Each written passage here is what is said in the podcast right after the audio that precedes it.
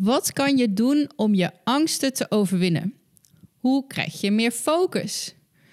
Hoe ziet onze samenleving er in de toekomst eigenlijk uit? Wat voor soort leven gaan we dan leiden? Je merkt aan deze vragen dat uh, de interessegebieden van mijn gast van deze week, Rowanne van Voorst, zeer uiteenlopend zijn en bijzonder inspirerend en fascinerend. Uh, Rowanne is onderzoekster, schrijfster, ze heeft meerdere boeken op haar naam staan, maar ze is ook klimster.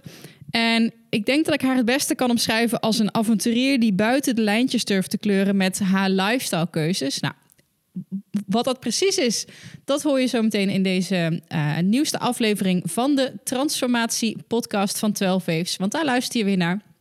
Dus welkom. Fijn dat je er ook uh, weer bent. Uh, man, wat was Rowanne een bijzonder inspirerende vrouw. Ik heb echt genoten van dit gesprek met haar. Ja, het is natuurlijk te gek als je een soort van gedeelde passie hebt. Ik heb heel lang geklommen. Rowanne is nog steeds actief klimster. Ik heb ook uh, twee ongelukken gehad tijdens het klimmen. En daar ben ik heel erg bang door geworden. Dus het was heel erg fijn om daar met Rowan, iemand die zich echt heeft verdiept in de angsten en het omgaan met angsten, uh, om van haar te horen hoe je daarmee om kan gaan. Maar ook mensen die niet klimmen, bang zijn om de snelweg te rijden bijvoorbeeld. Of je hand opsteken durven tijdens de vergadering. angst kent natuurlijk vele vormen. Dus daar hebben we het over. Maar um, ja, het gaat niet alleen over angst. Het gaat ook over focus en jezelf uh, organiseren op zo'n manier dat je het beste uit jezelf kan halen. Um, dus geniet van deze aflevering. Ik uh, hoop dat ik Rowanne snel nog een keertje zie en dat we samen gaan klimmen en nog verder kletsen, want we hadden nog wel eventjes door kunnen gaan. En ik uh, ben ook heel erg benieuwd wat jouw takeaways uit deze podcast zijn. Um, het is altijd leuk om te horen dat verschillende oren verschillende dingen horen. Uh, dus laat me dat alsjeblieft weten in de comments op Instagram. Of uh, als je naar de show notes gaat van deze aflevering. En dat vind je gewoon in de link uh, bij deze aflevering. laat het me weten onder de blogpost. Super benieuwd naar. Um, geef mij ook een inzicht in wie luisteren er en hoe luisteren jullie en, en wat haal je hieruit. Um, en tot slot, zoals je ook wel van me gewend bent, voordat we naar de aflevering gaan, nog even kort iets over 12 Waves. Nou, 12 Waves is een opleidingsinstituut voor professionals, uh, mensen die uh, ja, unfuckwithable willen worden. Dus um, professionals die persoonlijk leiderschap belangrijk vinden, weerbaar willen zijn, uh, touwtjes in eigen handen willen nemen, meer zelfvertrouwen, meer kracht. En sneller groeien ook op de carrièremarkt zonder daarbij zichzelf uh, in over de stress uh, te halen. Um, wij helpen die professionals middels een online training die we hebben, uh, de 12 Waves Online. En, en dat doe ik eigenlijk het meeste, ik geef heel veel masterclasses en trainingen bij bedrijven. Dus als je denkt, hey, ik wil dit ook bij mijn bedrijf. Ik wil dat je net iets komt vertellen over time management en doelen stellen. En uh, je energie optimaliseren en omgaan met weerstand. En hoe kan ik dat nou het beste doen met dat stemmetje in mijn hoofd? Stuur mij dan een mailtje uh, of breng mij in contact met iemand, uh, jouw manager of je HR, meneer of mevrouw. En dan gaan we eens even kijken of we dat voor elkaar kunnen krijgen. Het lijkt mij in ieder geval super tof om meer van jullie ook face-to-face -face te leren kennen. En niet alleen maar een soort van eenrichtingsverkeer via deze podcast, maar ook ja, in real life. Alright, geniet van deze uitzending met Rowanne en ik zie je heel graag volgende week weer.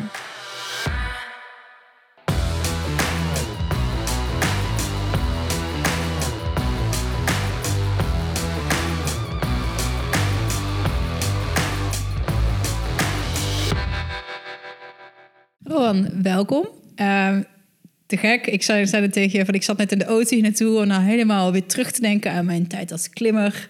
Kregen we helemaal uh, kippenvel en ik stond er weer aan. Dat gevoel alsof je weer onder een rot staat. En denk, oh, wat was dat toch een ontzettend mooie tijd. Dus ik, ja. ik kijk ontzettend uit naar dit gesprek. Ga je er weer helemaal naartoe terugleiden? Jee. Um, maar ik zit hier omdat ik um, aan het zoeken was, aan het googelen was, het overkomen, het doorbreken van patronen en omgaan met angsten. Mm-hmm. En toen kwam ik uh, jou tegen en je blog tegen. En uh, je hebt me later ook dit boek gestuurd. Ja. Fear. Ja. En je, je, hebt meer boeken geschreven, daar mag je zo meteen wat over uh, vertellen. Maar je hebt um, allerlei extreem sporters geïnterviewd, waaronder echt een paar groten der aarde. Op de in de klimwereld, Lin Hill, Jor Verhoeven. Alex Honnold, die nu ehm, met Free Solo, zijn film, die heeft nu een Oscar gewonnen. Dus die is nu in alle theaters te zien. En daarin zie je hem ehm, zonder touw duizend meter omhoog klimmen. Recht omhoog. Yosemite. Moet je maar eens Iemand heeft mij op die film gewezen, inderdaad. Ga maar kijken. Ja. Oh, ik krijg nu al... eh, Op mijn YouTube-kanaal zie je dat ik hem interview. En daar heb ik stukjes doorheen geplakt van die film. En daar alleen al krijgen mensen best wel de kriebels van. Ja, wauw. Ja. Maar jij bent zelf ook fanatiek. Misschien kan je jezelf het best even voorstellen. ik ben zo enthousiast. Ja. Ik ben ehm, schrijver en onderzoeker. Dus ik heb eigenlijk twaalf jaar onderzoek gedaan naar werken en wonen op de meest gevaarlijke plekken. Of eigenlijk functioneren onder stress. Dus ik ben begonnen met ehm, mensen die heel erg onder druk leefden van klimaatveranderingen. Van wat nou als je fulltime jager bent in Groenland. Je hoort bij de Inuit. En je moet overleven van het jagen. Maar je krijgt steeds extremere weersomstandigheden door de klimaatveranderingen. Hoe ga je daar dan mee om? Ik heb daar ook lange tijd gewoond op Groenland, op zo'n jagerseilandje. Ehm, ik ben antropoloog van, van achtergrond, dus dan doe je dat soort dingen. Ja. Daarna heb ik zes jaar on en off in Indonesische sloppenwijken gewoond. Omdat dat was toen de gevaarlijkste plek ter wereld om te kunnen wonen. Want daar waren de hele tijd overstromingen. En je hebt er heel veel criminele gangs. En je hebt allerlei andere problemen waar mensen mee te maken hebben. Dus ik wilde weten hoe dat was. Daarna ben ik gaan onderzoeken hoe soldaten dat nou doen. Van als je nou vrijwillig naar een conflictgebied gaat, hoe, hoe ga je dan om met angst en met stress en hoe hou je jezelf dan rustig? Ik doe inmiddels noodhulpmedewerkers. Ik ben nu net terug uit Haiti ehm, om daar veldwerkonderzoek te doen. En ik heb extreme sporters bestudeerd. Want inmiddels, en dat staat een beetje los van mijn schrijverschap en van mijn training en van mijn onderzoek, ben ik ook verliefd geworden op een klimmer en eh, klim ik zelf. Dus voor mij was die groep wel een hele belangrijke. Want ik ben wel een klimmer, maar ik heb ook echt onwijze hoogtevrees. Same hier. en ik heb er een paar gelezen, nog niet allemaal. Ze hebben het allemaal ook. Dat vond ik ook het fascinerende. Dat was ook voor mij een reden waarom ik eigenlijk een uitstapje wilde maken. Want ik, ik schrijf fictie en non-fictie. En mijn boeken gaan niet allemaal over extreme eh, sporters. En, maar waarom ik het toch belangrijk vond om dat nou echt te doen... is, er heerst toch een beetje een beeld dat mensen die hele toffe dingen doen... dat die geboren zijn als een soort adrenaline-junkies... Of eigenlijk een beetje gek, weet je wel? Zo van, Ja. ja. die heeft niet echt een stressor. Die heeft niet echt een amygdala die werkt. Of Ja. is eigenlijk een beetje een soort psychopaat. Dat zeggen ze ook vaak in de psychologie. Van die heeft psychopathische trekjes. Dus die kan zich niet zo goed inleven hoe het is als er iets ergs zou gebeuren. Ja. Dan gaan daar vrij kil in. En ik dacht, ja, dat kan zijn dat dat voor een heel kle- klein segment zo is. Maar ik weet ook uit het klimmen dat omgaan met angst is een van de grootste dingen. ehm, en ook een van de meest bepalende dingen. Dus het gaat er niet om of je bang geboren bent of dapper geboren bent. Dat verschil zit er niet in. Dus het verschil zit er erin dat sommige mensen leren trucken en strategieën om die angst op de juiste momenten te kunnen onderdrukken of ermee te kunnen werken. En andere mensen leren dat niet. En die denken dat ze bang blijven en dat dat ook niet anders kan. Dat het een soort Ja. statisch gegeven is. Maar uit onderzoek blijkt dus dat je jezelf kunt trainen om moediger te worden. Dus daar heb ik boeken over geschreven en trainingen over opgezet, omdat ik dat wel heel fascinerend vind. Dus voor mij zijn zij zijn geen adrenaline junkies, maar echt angstexperts. Zij hebben het echt geleerd. Dus zij weten echt van hoe moet ik mezelf razendsnel kalmeren, ook al ben ik bang. Ja. Sterker nog, volgens mij eh, kan je zo'n extreme sport, als ik kijk naar mijn eigen ervaring, ook alleen maar doen als je die angst hebt. Want anders word je roekeloos. Oh, doe wel, val je te doe wel even. Ja, weet je, en die ken ik ook uit de klimwereld. Want die heb je ook een paar van die, oh ja, maakt niet uit, doe wel, weet je wel. Maar we hebben ook allemaal ongelukken gezien. En dat zijn niet degenen die echt met hun veiligheid bezig zijn. Het zijn, niet de- het zijn altijd de beginners die, die stomme foutjes maken of overmoedige foutjes maken. Echt de doorgewinterde klimmers, die controleren twee keer. Ja, want weet wat ze aan je, het doen zijn. niemand, ook bijvoorbeeld Alex Honnold niet, die ehm, dan door een groot publiek inmiddels heel grappig als je die film gaat kijken, er zitten allemaal niet klimmers in de zaal, dus mensen worden helemaal gek, want die zien hem. Weet je, dit is voor een klimmer zelfs spannend om hem Ja. te zien. Maar als ik met hem praat, dan zegt hij ook altijd van ja, maar Roan, ik wil niet dood. Weet je wel, ik ga, Ja. niet, ik ga niet klimmen omdat ik dood wil. Ik ga klimmen omdat ik verslaafd ben aan dat gevoel ehm, van ik kan mijn angst onder controle houden, zodat ik super perfect kan blijven bewegen, heel specifiek kan blijven doen. En dat vindt hij heel interessant. Niet zozeer van ik ga erin, want ik ben eigenlijk suicidaal en dit leek me wel een handige methode, weet je wel? Om en plein publiek. dat kan echt beter, zou ik zeggen. Maar dat is, en ik bedoel, in dit boek interview ik bijvoorbeeld ook Steph Davis en die is basejumper. ja. Nou, basejumper, basejumping is wel echt een van de meest gevaarlijke sporten ter wereld. Dus ze zeggen, ik vind het altijd een beetje discutabel als wetenschapper dit soort cijfers, maar ze zeggen dat 1 op de 60 sprongen eindigt in een dodelijke klap. En zij heeft twee echtgenoten verloren al, alle twee aan die sport. En toch springt zij zelf nog elke dag. Dat betekent niet dat ze anglo- angstloos is. Het betekent juist dat zij, zij heeft echt altijd angst als ze springt. Ja. Dus het is voor haar een hele bewuste keuze. En dat vond ik interessant. Van wat, wat haal je er dan uit? Dus als je, je weet wat het kan doen, alles wat je lief hebt, kan je kwijtraken. Dat geldt ook voor de mensen om je heen. Zij heeft inmiddels ook weer nieuwe liefde, die zou haar ook kunnen kwijtraken. Ja, dan wordt het heel interessant. Van wat trekt je dan toch aan die sport en hoe ga je dan met je angst om? ja. Dus ja, echt met recht angstexpert zou ik willen zeggen. Ik ga even kort één check doen. Ik merk dat ik anders eh, Afgeleid ben, ja. niet rustig zit. Ik heb het nou één keertje meegemaakt. Nee. Gaat goed? Kan, ja. Je mag dat voor mij zo vaak- ver- vergeten. Ja hoor. Ik moest even checken of, of alles aanstond. Ehm, en een van de vorige stond eh, een van de microfoons niet aan. Oh, dat is kut, ja. Maar goed, nu ben we helemaal kalm. Ehm, hoe heb je daar iets uit gedistilleerd, zeg maar, waarom ze dat dan, of hoe ze daarmee dealt? Of waarom ze dan niet een rem heeft, zo van, oh, het risico is te hoog, ik heb al zoveel verloren. Ehm, waarom zou iemand die angst bewust opzoeken?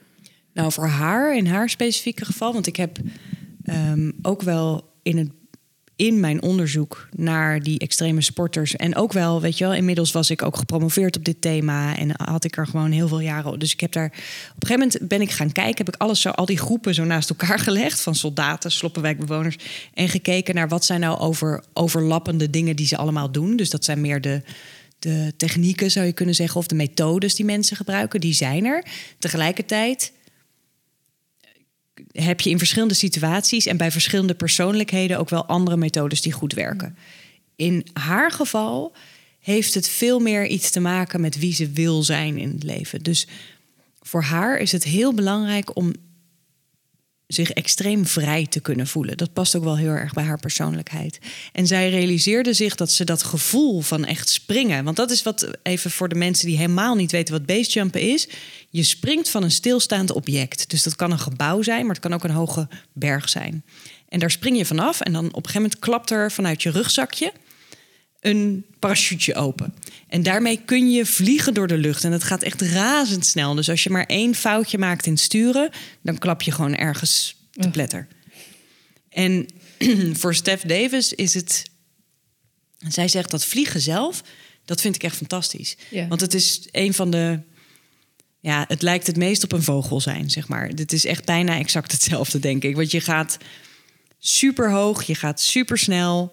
En je moet extreem gefocust zijn, hè? Want, want anders val je kapot. Dus dat vliegen zelf, dat vond zij heerlijk. En dat waren ook echt de momenten in haar leven waarop ze zich het meest gelukkig voelde. Dus zij zei: Als ik zou zijn gestopt, dan was ik eigenlijk gestopt uit angst. En ik wil leven naar verlangen, niet uit angst. Dus ik wilde dat doen, maar ik wilde wel nadenken over het risico. Is dat het me waard? Ja, als, als maakt dat ik daardoor in mijn leven het gevoel heb dat ik alles leef uit verlangen. Dat ik compleet vrij ben. Dat ik elke dag als een vogel door de lucht mag vlie- vliegen. Ook al denkt iedereen dat dat niet kan. Neemt zij het dus als een acceptabel risico dat ze heel misschien op een gegeven moment doodvalt. Ja. Dan zegt ze, ja, dan heb ik helemaal geleefd. Ze zorgt er wel voor dat ze zich extreem goed voorbereidt. Dus zij is wel, het is ook gewoon vakmanschap. En als zij, ehm, ze doet ook wel, ze checkt echt in bij zichzelf. Dus ze voelt echt van, is dit mijn dag? En hoe staat de wind? En eh, voel ik me oké? En als dat niet zo is, dan draait ze om. Ja. Dus ze probeert wat dat betreft in, in de room of maneuver, in de room of de, de space of control, zeg Ja. maar, zouden ze in managementtermen zeggen. Waar je controle kan hebben, heeft ze controle. Op het moment dat ze het moet, loslaten, laat ze het ook los. En ook echt met overgave. Omdat ze ook denkt, ja, als ik op deze manier dan val... dan heb ik wel echt een tof leven gehad. Dus dat, dat telt voor haar. Maar voor de meeste mensen is het natuurlijk niet zo radicaal. Want een klimmer valt niet per se dood. Je kunt je wel heel erg verwonden.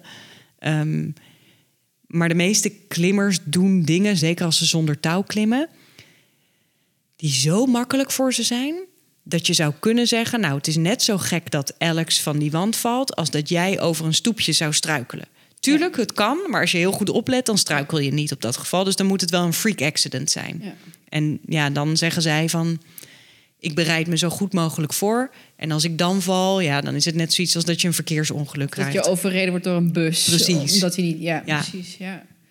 Ik heb zelf, um, ik weet eigenlijk niet of ik het in een podcast al vaker over heb gehad, maar ik heb best wel lang geklommen zes of zeven jaar, niet super lang, maar zes of zeven jaar. Ik ben uiteindelijk gestopt omdat ik een eh, schouderblessure had. Zoals heel veel vrouwen hing ik echt in mijn kapsels. En ik ben sterk, dus ik kon daar redelijk snel, ook in overhangende routes en wat zwaardere gradaties en wat grotere passen. Nou, als je dan klap je zeg maar. Nou, lang verhaal. Um, geblesseerd, hem anderhalf jaar opgetraind, maar ik ben uiteindelijk gestopt. Uh, een beetje uit die scene gegaan, alhoewel het echt fantastische jaren waren. Met heel veel weekendjes naar de rots. Uh, omdat ik gevallen ben. En echt ver gevallen. En niet eens mijn eigen schuld. Um, wij klommen in Berdorf. Ken je vast wel. Um, een van echt de allereerste route van het weekend. Een hele mooie rechte 6A. Ik denk, nou, niet heel zwaar. Een beetje uh, warm worden.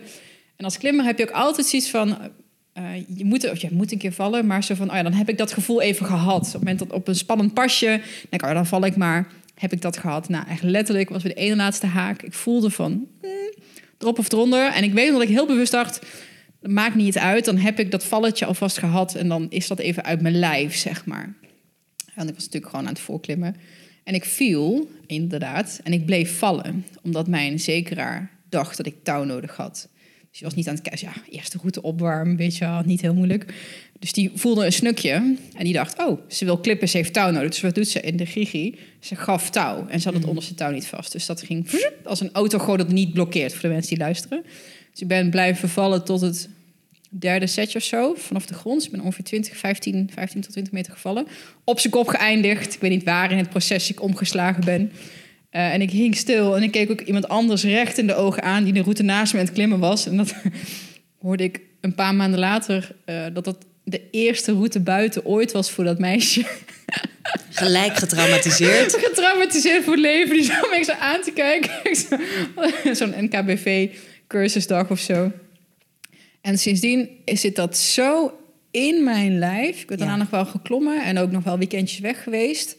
Maar dan Ehm, dat ik het gewoon niet meer durf. Nee, snap ik. Ja. Nou ja, wat er dan gebeurt, en dat vind ik ook. Um, hè, want ik geef ook wel trainingen voor mensen om. Uh, nou, mijn eigen training natuurlijk in tien weken om over je angsten over heen te komen. Maar ook wel, ik heb ook wel echt wel klimmers uh, mee kunnen oefenen.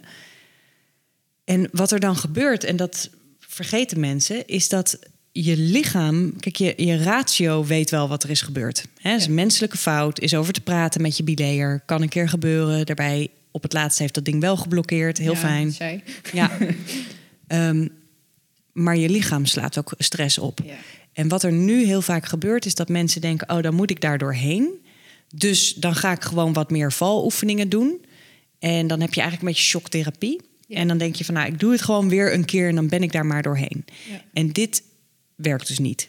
Voor bijna niemand. En het is echt een, een, een soort foute manier van denken. Die je ook. Hij doet mij altijd heel erg denken aan. Ehm, iedereen heeft wel zo'n oom op een verjaardag. die dan iets kan roepen als.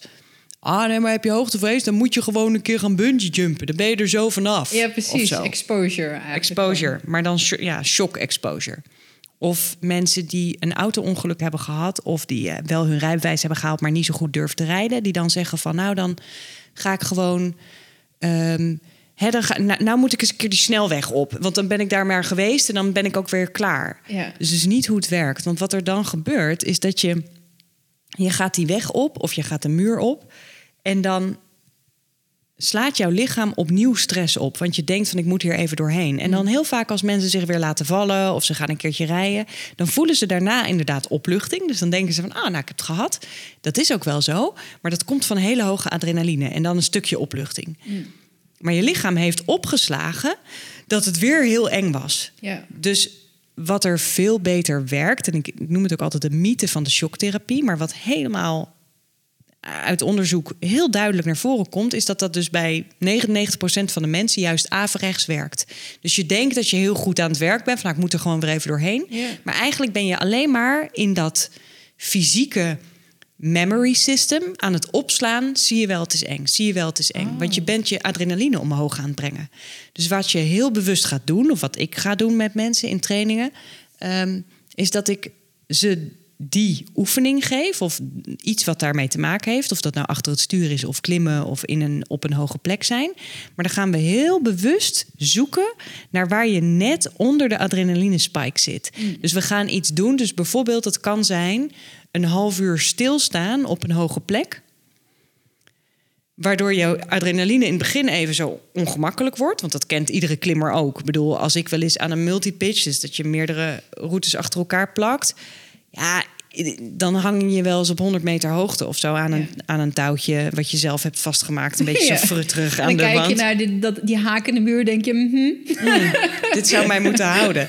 Ja, weet je, ik, ik doe het ook wel. Maar... Ik kijk ook niet eh, de hele tijd heel bewust naar beneden. Dus iedereen weet dat dat gevoel is een beetje onprettig. En als je daar heel lang in zit, of dat heel vaak doet, of je bent lekker een hele vakantie in de rotsen, dan gaat dat op een gegeven moment normaliseren. Ja. Nou, dat kan je met angsttraining ook doen. Dus we gaan altijd zoeken naar iets wat saai voelt. Ik zeg altijd voordat het saai begint te voelen, mag je niet door naar de volgende stap. En mensen overschatten dat onwijs. Dus die denken van ja, nee, maar dit, dit lukt wel. Dit vind ik niet. En dan gaan ze toch iets a-relax doen. Maar ze Ja. vergeten dat dan wat je opslaat, is alleen maar het a-relaxte. Dus de volgende keer ga je met minder zin, minder plezier dat weer doen. En als je het in het saaie houdt, dus dat je adrenaline gewoon echt totaal laag is, of echt een mini-spikeje heeft gehad, dan zul je zien dat je na een keer of vier ineens weer echt zin begint te krijgen. Dan mag je door naar stapje twee. Ja, oh, interessant. ja. Ja, ik, ik, ik, ik weet dan echt zo goed hoe dat ook ging. Want het is echt wel een paar jaar geleden. Ehm, die, dat weekend heb ik nog wel een beetje geklommen. Want was je oké na die val? Ik bedoel, fysiek, was je oké? Ja, ik had een deel van mijn gordel was... eh, want het is zandsteen daar, dus dat is heel... eh, soort schuurpapier, zeg maar. Dus een, eh, een riempje van mijn gordel was kapot en mijn hak deed zeer. Maar ik verder niet echt, vooral gewoon Shaky. heel ja. erg shaky. Ik, ik stond te schaterlachen gewoon van de, van de adrenaline. ja. En eh, ik was heel boos. Mijn buleo die deed heel... pff, die was ook in shock volgens mij. Heel, ja nee, dat kan gebeuren. stel je niet zo aan. Toen nog wel geklommen. Ik weet dat het weekend daarna, de vakantie daarna, stond... Het was in Duitsland. Een hele simpele route. En ik stond letterlijk op maar op drie meter van de grond. Al vast in een haak. Wat in Duitsland ook niet heel erg eh, veel voorkomt. En ik was zo oncontroleerbaar aan het trillen en op mijn benen. En ik, echt een halve paniekaanval. Terwijl ik denk, ja, wat is dit? Gewoon drie passen omhoog. ja. Eh, en toen had ik zoiets van, oké, nee, dit... eh, Ja, maar dat is dus heel duidelijk van, oh ja, je lichaam heeft dat opgeslagen. Ja, en dan kan ja. je met je hoofd wel een soort rationele risicoanalyse maken en zeggen, oh ja, nee, maar dit, hè, dit moet ik gewoon even nu eh, doen. Of vorige keer was het een menselijke fout, kan gebeuren. Ja. Maar je lichaam moet daar nog doorheen. En als je dat niet heel intensief gaat begeleiden, Ja. dan wordt het een trauma. En dan wordt het eh, heel moeilijk om daar overheen te komen. Ik Maar het kan wel. Ook wel een beetje over nagedacht. Ik, oké, je klimt dan zeg maar vijf jaar al, of je bent al vijf jaar, kom je buiten de rots. En je hebt vijf jaar minuscule stapjes nodig om vertrouwen op te bouwen. Je hebt minuscule keren dat je een pas maakt waarvan je denkt, nou, ik hoop het. En dan lukt het. En dan val je een keer, dan blijf je leven. Maar die, ik kan me nog echt nog een aantal passen voor de geest aan, een aantal routes. Zo van, oh, die vond ik spannend en die heb ik gehaald. Weet je, dat zijn van die succesmomentjes waardoor je heel gradueel vertrouwen opbouwt. Waardoor je dus ook nu dan vijf jaar later denkt, ah, dan val ik maar even. Weet je, dat je daar heel relaxed in staat. Alsof dat gewoon in één klap vijf jaar vertrouwen opbouwen is gewoon in één keer weg. Nou ja, dat vond ik er zo bijzonder aan. Zo van, oh man, weet je wel, die ratio moet echt gigantisch groot zijn. Ja, maar je zegt het heel goed, denk ik. Kijk, als je aan het klimmen bent of je doet een andere sport of je doet iets waarvan je lichaam terecht opmerkt, opmerkt dat het gevaarlijk zou kunnen zijn. Dus het gaat er even niet om, hè, met klimmen ga je in principe niet dood, want je hangt aan een touw en je valt in een touw. Maar jouw lichaam heeft wel heel terecht opgemerkt van... hé, hey, ik hang hier op 20 meter hoogte. Dus die ziet dat touw niet eigenlijk. Dat kan het niet goed begrijpen. Dus je hebt heel veel bewijslast nodig tegen die observatie. Ja. Zo zie ik het altijd maar. Van ja, je moet heel vaak laten zien aan je lichaam... van ja, jij snapt het niet met dat touw. Maar het is echt zo. Ik kan hier loslaten. Ik sta hier gewoon veilig. Ja. En eigenlijk krijgt het lichaam gelijk. Van ja, op het moment dat jouw bilayer jou laat vallen... of te ver laat vallen, dan heeft dat lichaam gelijk. En zo kan het voor mensen ook in de liefde voelen natuurlijk of zo. Hè? Ik bedoel, ik, ik begeleid heel veel mensen die... ehm, een carrière switch overwegen en die zeggen van nou, ik word gewoon doodsbang als ik er echt serieus over na ga denken, weet gewoon niet waar ik moet beginnen. Of mensen met spreekangst heb ik veel in mijn trainingen. Ja. Hè, van ook daar is het helemaal rationeel? Nee, want je gaat natuurlijk niet dood. Maar op zich is het wel zo dat jouw sociale angstradartje terecht gaat werken. Want je staat voor een grote groep mensen. En je bent misschien wat gevoeliger voor beoordeeld worden. Nou ja, dan is het. Ik bedoel, er bestaan onwijs goede technieken voor om daar overheen te komen, om rustiger te blijven, om beter te blijven presteren op dat moment. Maar je kunt het ook verpesten door bijvoorbeeld een keer iets te doen wat je eigenlijk echt niet wilt. Voor een plek op een plek waar je helemaal niet veilig voelt. En er wordt ook nog een nare opmerking gemaakt of zo. Nou, dan komen mensen heel vaak bij mij en zeggen ze van ja, het ging eigenlijk best altijd oké. Ik was altijd al wel nerveus, maar het lukte nog net. En, en nu is dat een keer, ja, ik durfde het een keer en dan ging het ook nog mis. En nu, ja, nu durf ik echt niet meer. Weet Ja. je wel? En dan moet je ook weer heel erg gaan zoeken naar de. Nou, daar zijn dan toevallig echt wel hele goede strategieën voor. Maar je gaat eigenlijk weer tegen bewijslast opbouwen. Dus je gaat, en dat hoef je niet altijd te doen met spreken. En door elke keer voor een groep te gaan staan. De grap is, je kunt dit ook via hele specifieke visualisatieoefeningen doen. Je kunt het ook, je kunt gewoon je brein resetten wat dat betreft. Want het maakt voor je brein niet helemaal uit of je het echt doet. Of dat het het tien keer 10, 20 keer heeft gezien in je gedachten. Maar dan moet je wel, hè, er is vrij veel woehoe over hoe je. Doe een mantra of doe een eh, super oppervlakkige visualisatie. En dan, eh, nou, dan ben je er in één keer doorheen. Nee, dan, dan leer ik wel mensen hoe ze dat echt moeten doen. Maar dat kan dus wel. Maar dan moet je wel weten hoe. Hè? Dus dan, dan moet je daar wel een beetje in investeren. Maar dan kan je het vanaf je bank oefenen. Ja. Kan, kan je één vo- concreet voorbeeldje of een, of een tool daarvoor geven? Of zo'n visualisatieoefening eh, uitleggen? Eh, ja, goed, misschien luisteren mensen die klimmen, maar ik weet zeker dat iedereen wel situaties heeft zoals je die oms- omschreef. Van, oh, weet je, die dan dingen niet meer doen omdat het één keer dan toch heel erg tegenviel. Of dat nou jezelf uitspreken bij een vergadering is, of nee durven zeggen tegen iemand in de familie, weet je, die, die je eigenlijk overvraagt. Weet je, er zijn van die beetje dagelijkse ja, angsten, denk ja. ik. Ja, nou, er zijn, ik bedoel, de, de methodologieën die ik teach, die ik ehm, doorgeef in mijn training. Want inmiddels doe ik dat niet meer zelf, maar ik heb coaches die een licentie hebben om met de Fearlessly Fearful methode, zo heet die, eh, te werken. Dus, dus zij geven inmiddels de lessen en ik ehm, geef nog de supervisie over hen. Ja. Maar eh, zal ik eentje voor spreekangst ja. bijvoorbeeld? Want voor spreek, spreekangst is zoveel voorkomend. En dan heb ik het niet alleen over mensen die inderdaad ehm, voor grote groepen staan, maar ook gewoon steek je hand maar eens op tijdens een vergadering. Ja, dat. Hè, dat. Ja. En of je beste vriendin gaat trouwen en je zou eigenlijk wel een mooie speech willen geven, maar fuck, weet je, dat is echt eng. nou, daarvoor, kijk, want daar wordt ook altijd zo'n heerlijke fout in gemaakt. Wat wij heel erg leren al aan onze schoolkinderen is dat je ehm, oefent in het foutloos presteren. Dus je gaat oefenen, een spreekbeurt oefenen. En die moet je dan oefenen en moet je hem uit je hoofd kunnen, zodat je geen foutjes meer maakt. Dat is dus echt funest. Dat blijkt uit al het wetenschappelijk onderzoek. Dat is niet handig om te doen. Want wat er gebeurt is. ehm, ik geef wel eens een. eh, Ik heb bijvoorbeeld recent een TED-talk gegeven. Nou, dan zeggen ze ook van je hebt 12 minuten. En daar moet je echt binnen blijven. Want anders gaan de camera's op slot en zo. En dacht ik ook, oh, ik ben best een vergevoerde spreker. Maar dat vond ik echt wel spannend. Als ik die hele tekst uit mijn hoofd had geleerd. en ik had hem thuis geoefend dat ik hem echt perfect zou kunnen. Wat er dan gaat gebeuren is, ik loop het po- podium op en er gaat zeker weten iets, net iets anders zijn dan hoe ik het had geoefend. Hè, dus stel dat ik mijn eerste zin nog even dat mijn stem overslaat of zo van de zenuwen. Of ik heb een beetje een droge keel. Of er kijkt iemand gek in het publiek of zo. Nou, hell yeah dat dat gaat gebeuren. Ja. Weet je wel, dat is gewoon wat het leven is. Op het moment dat ik het honderd keer heb geoefend, of laat ik niet overdrijven, dertien keer heb geoefend, terwijl alles perfect ging thuis, ik zat helemaal in mijn zen-modus, ehm, ik had een, uh, een wierookje aan en ik ga dat eens even voordragen, zo van papier, dan voelt dat zo anders voor mijn brein in vergelijking met echt op dat TED-podium staan, dat alles op slot gaat. Mm. dus op dat moment denkt mijn brein: oh fuck, nee, dit is niet hoe ik het had gevisualiseerd, dus het klopt niet meer. En dan heb je heel grote kans dat het inderdaad mis gaat lopen. Dus wat ik altijd doe, hele simpele oefening, maar mensen vinden hem heel gek om te doen en hij werkt als een tierenlier, is we gaan oefenen met falen. Dus dat betekent dat ik wil dat je die tekst expres verkeerd gaat opvoeren thuis. Dus stel jij komt bij mij en jij zegt: Nou, ik volg je training en ik wil uh, die speech geven op de bruiloft van mijn vriendin. Of ik wil nou eens, als mijn baas zegt: Wie heeft hier nog wat over te zeggen, kunnen zeggen: Ik.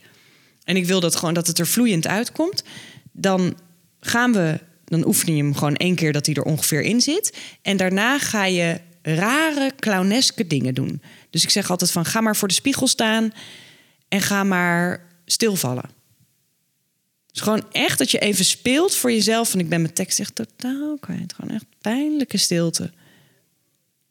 En dan ga je weer door. Of dan zeg je er maar iets over van... sorry, ik was even helemaal mijn tekst kwijt. Of je komt binnenlopen, acte 2. Je komt binnenlopen, je struikelt over je eigen voeten. En als je durft, als mensen kinderen hebben, zeg ik altijd: doe het maar voor je kind. Ga maar gewoon, maak er maar een grap van. Dan voel je jezelf ook wat minder awkward. En mensen gaan dit altijd met heel veel tegenzin doen. Zeggen ze ja. Ik probeer leuke oefening gewoon, weet je wel. Of coach met wie ze werken. Echt tof dit. Ik voel me een beetje achterlijk en het helpt niet echt. En ik had ook mijn tijd kunnen besteden aan het echt oefenen. Ja. Maar wat er gebeurt, is dat je brein eigenlijk een soort flexibele herinnering opslaat van die tekst. En dat koppelt aan. Er kunnen verschillende dingetjes gebeuren. En in de situatie waarin je dat oefende, was dat veilig. Ging er niet iets heel ergs gebeuren. Hè? Want als jij voor je kind uh, stilvalt of voor de spiegel, dan vindt je brein dat niet zo erg. Dan vindt je ego dat niet zo erg. Dus vervolgens, op het moment dat jij je hand opsteekt tijdens een volle vergaderuur.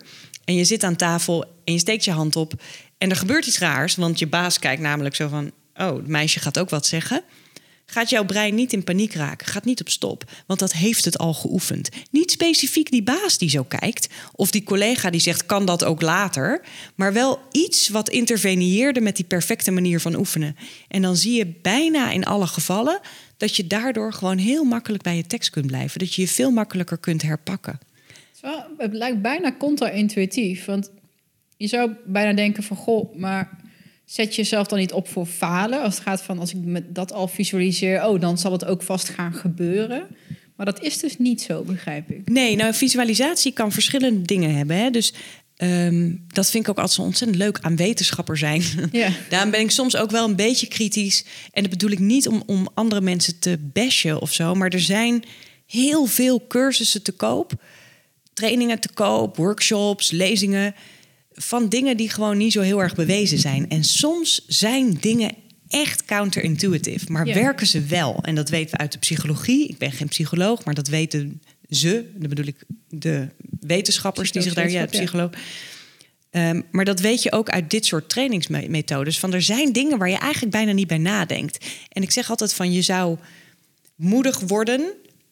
Um, beetje kunnen zien als een spier die je kunt trainen. Mhm. En kunnen omgaan met angst of met stress, dat kun je echt zien als een spier.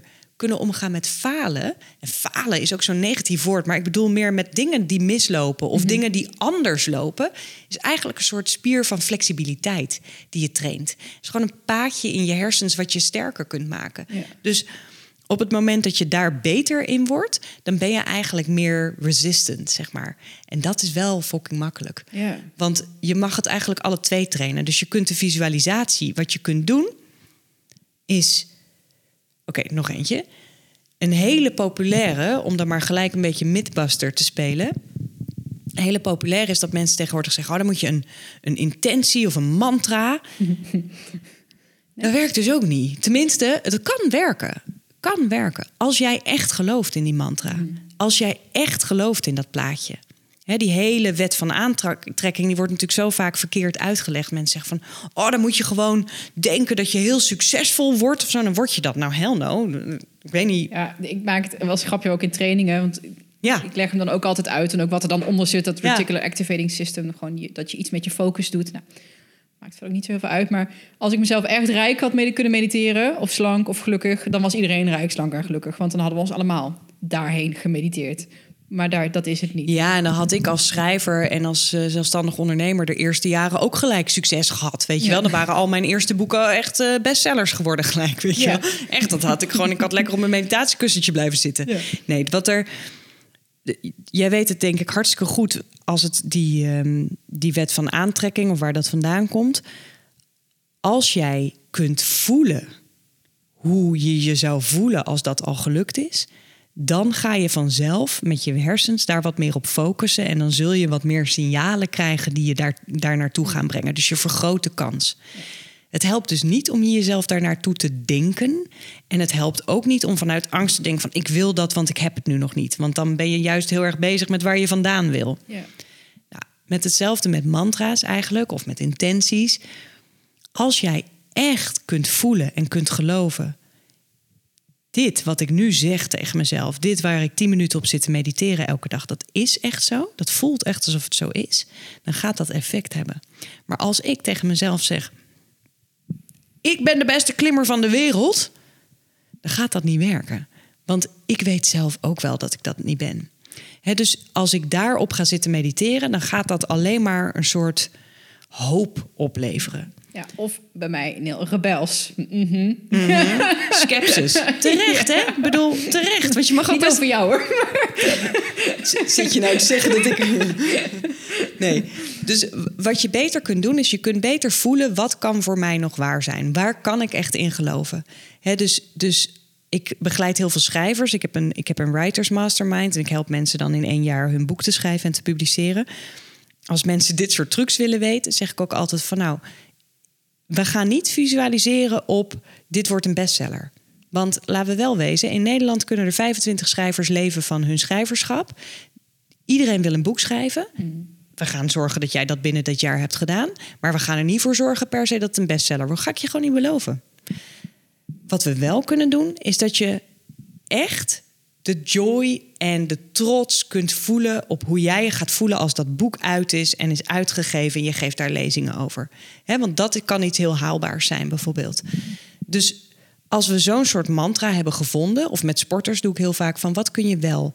Bijvoorbeeld, ik ben veilig. Of ik heb plezier in dit klimmen. Of ik ben mooi deze beweging aan het maken. Ik voel, ik voel me hier angstloos in.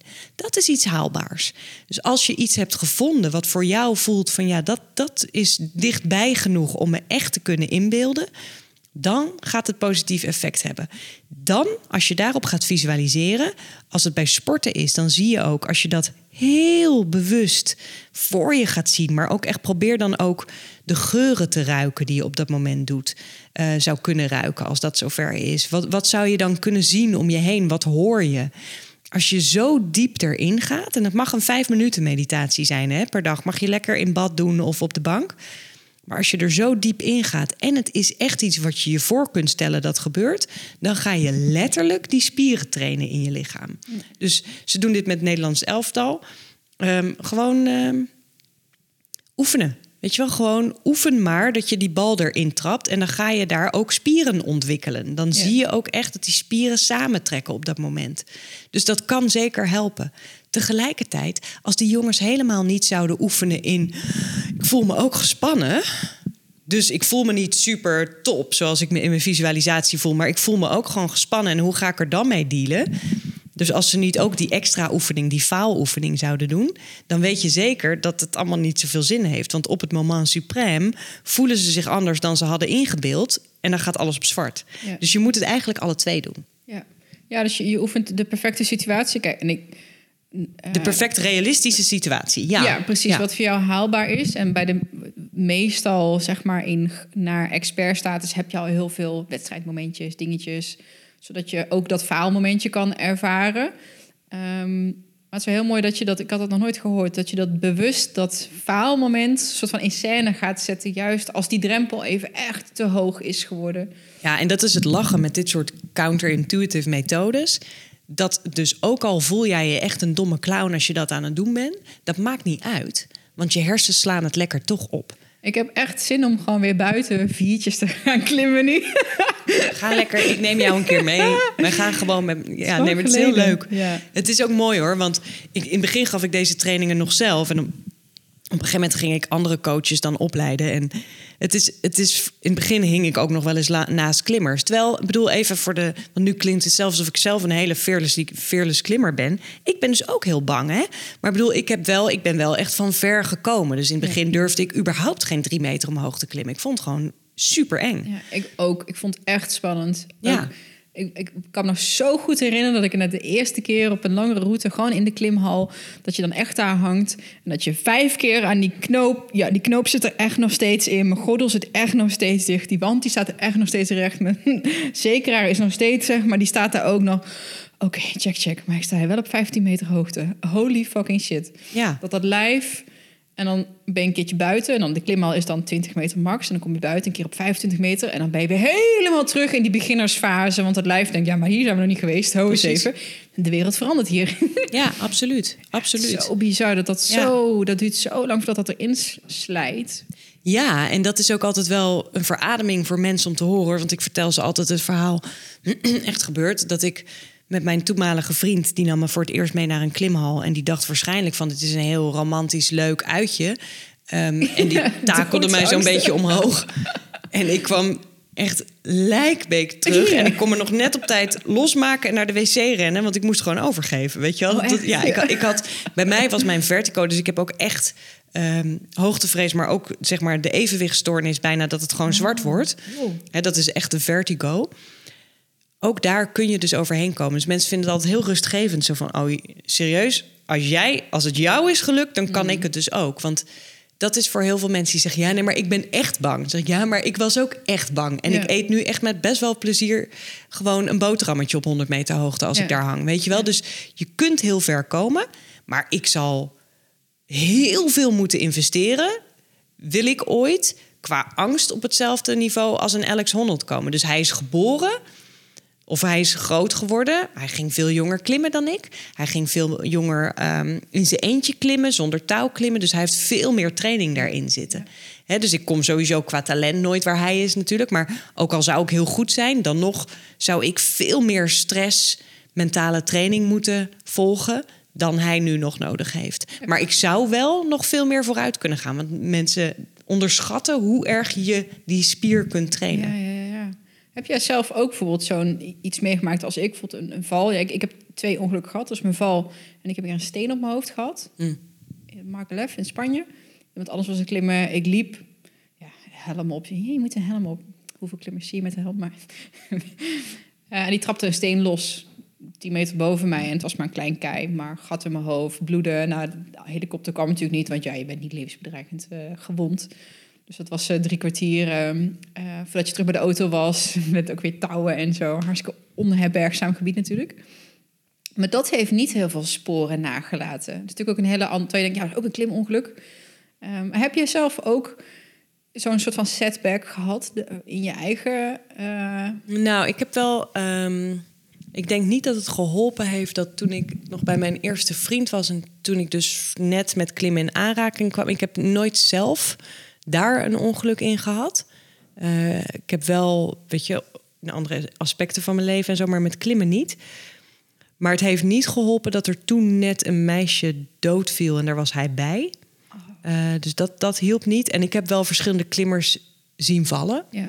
En dat is überhaupt heel naar. Ook als je erbij staat en je ziet, je ziet iemand ineens van 20 meter hoogte of van 15 meter hoogte gewoon, dat gaat in een seconde. Dat is heel misselijkmakend, want je weet op dat moment, oh fuck, dit is niet goed. En Ja. iedereen begint te rennen en het is een soort van. En mijn man is ook wel gevallen. Ehm, gewoon door iets stoms hoor, dat hij zelf zijn touw niet goed had ingebonden. Weet je, ja, dat gebeurt. Dus het, ik heb het gezien van dichtbij, maar ik heb het gelukkig nooit zelf meegemaakt. Waarschijnlijk ook omdat ik zo'n bangerpoeperd ben. Hè? Ja. Ik bedoel, dus ik ben inderdaad nog steeds dat ik vrij goed check. En nog steeds wel, ik vind het ook rationeel trouwens. Ik klim ook niet zomaar met mensen die ik niet ken. Ik laat me niet zomaar zekeren door mensen. Eh, komt dat omdat ik bang ben? Ja, met recht. Ja. Weet je wel? Want ik wil gewoon een ervaren iemand. En zodra ik merk dat iemand niet staat op te letten, ben ik er ook vrij snel klaar mee. Ja. Vind ik het ook nog wel weer, speaking of angst, soms spannend om dat te zeggen. Wil je me strakker zekeren? Wil je op me blijven letten? Maar dat zijn wel dingen die ik van mezelf mag zeggen. Want het gaat wel om je leven en ook om je plezier. Ja. Dus ik wil gewoon kunnen voelen van, ah, wat heb ik een lol. En dat lukt alleen maar als ik gewoon ben met een maatje... Eh, waarvan ik weet van, ja, die vertrouw ik gewoon 100%. Ja, Mijn en- leven ligt letterlijk in jouw handen, maar ik vertrouw het ook. Ja. Ik heb ook al veel mensen zien vallen. Gelukkig niet eh, eh, dodelijk. Maar je staat er dichtbij en het is wat je zegt. Het, het is echt een flits. En je denkt, oh, holy shit. En de reden dat ik het vraag is dat... Maar toen wist ik nog niet precies al je andere onderzoeken. Vaak komt die fascinatie ergens vandaan. Zo van of een eigen obstakel of een eigen ontwikkelpunt. Dus dat vind ik altijd heel erg fascinerend. Ja. Want mensen denken... eh, ik had bijvoorbeeld een gelukskundedocent, Mirjam Spitholt, eh geïnterviewd. Prachtig mens. Ehm, en ze zegt, ja, ik heb me helemaal verdiept in geluk. Omdat ik niet van nature heel gelukkig ben. Mm. Weet je, en juist omdat ik me er helemaal in vast heb geweten... kan ik daar ook iets over vertellen. Want ik moet mezelf elke dag weer herinneren aan mijn eigen strategieën, zeg maar. Ja. Dus vandaar... Nou ja, Kom- kijk, weet je, mijn, mijn onderzoek toen ik begon, twaalf jaar geleden, met hoe dealen mensen met stress of hoe, hoe ga je om met gevaar, dat begon echt vanuit de, de observatie. Dat je kreeg toen net al die praat over klimaatveranderingen en dingen zijn aan het veranderen en sommige mensen worden ineens moeten leven met overstromingen. Dat vond ik gewoon fascinerend, omdat je soms zag je die mensen doodleuk door rivieren die ineens in hun, dorp waren gestroomd eh, wandelen. En ze keken er vrij stoïcijns bij. Terwijl ik dacht, huh, als ik daar zou wonen, zou ik het echt super eng vinden, zou ik verhuizen. Ja. Dus waarom blijf je daar wonen? Ik vond het fascinerend van hoe blijf je nou je kalm en relaxed en veilig voelen op een plek die dat gewoon 100% niet is. Van kan je lang of kort over lullen. Het is gewoon gevaarlijk daar. Ja. Dus is het dan dat die mensen ook de hele tijd op scherp staan? Of is er iets anders aan de hand en hebben zij een soort methode gevonden om zich kalm te voelen? Dus dat was mijn eerste, gewoon door het nieuws te kijken, dat ik me dat steeds meer begon af te vragen. Met klimmen of met noodhulpmedewerkers, waar ik nu mee bezig ben, en soldaten, ging het veel meer.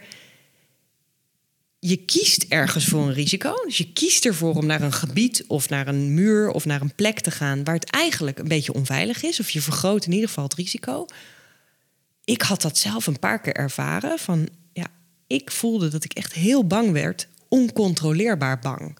En daar kwam natuurlijk mijn observatie vandaan. Van hoe kan het dat jullie allemaal gewoon een beetje soort van aan het lachen zijn en lol aan het maken zijn en lekker zo van, eh, nou, ik heb zin in koffie.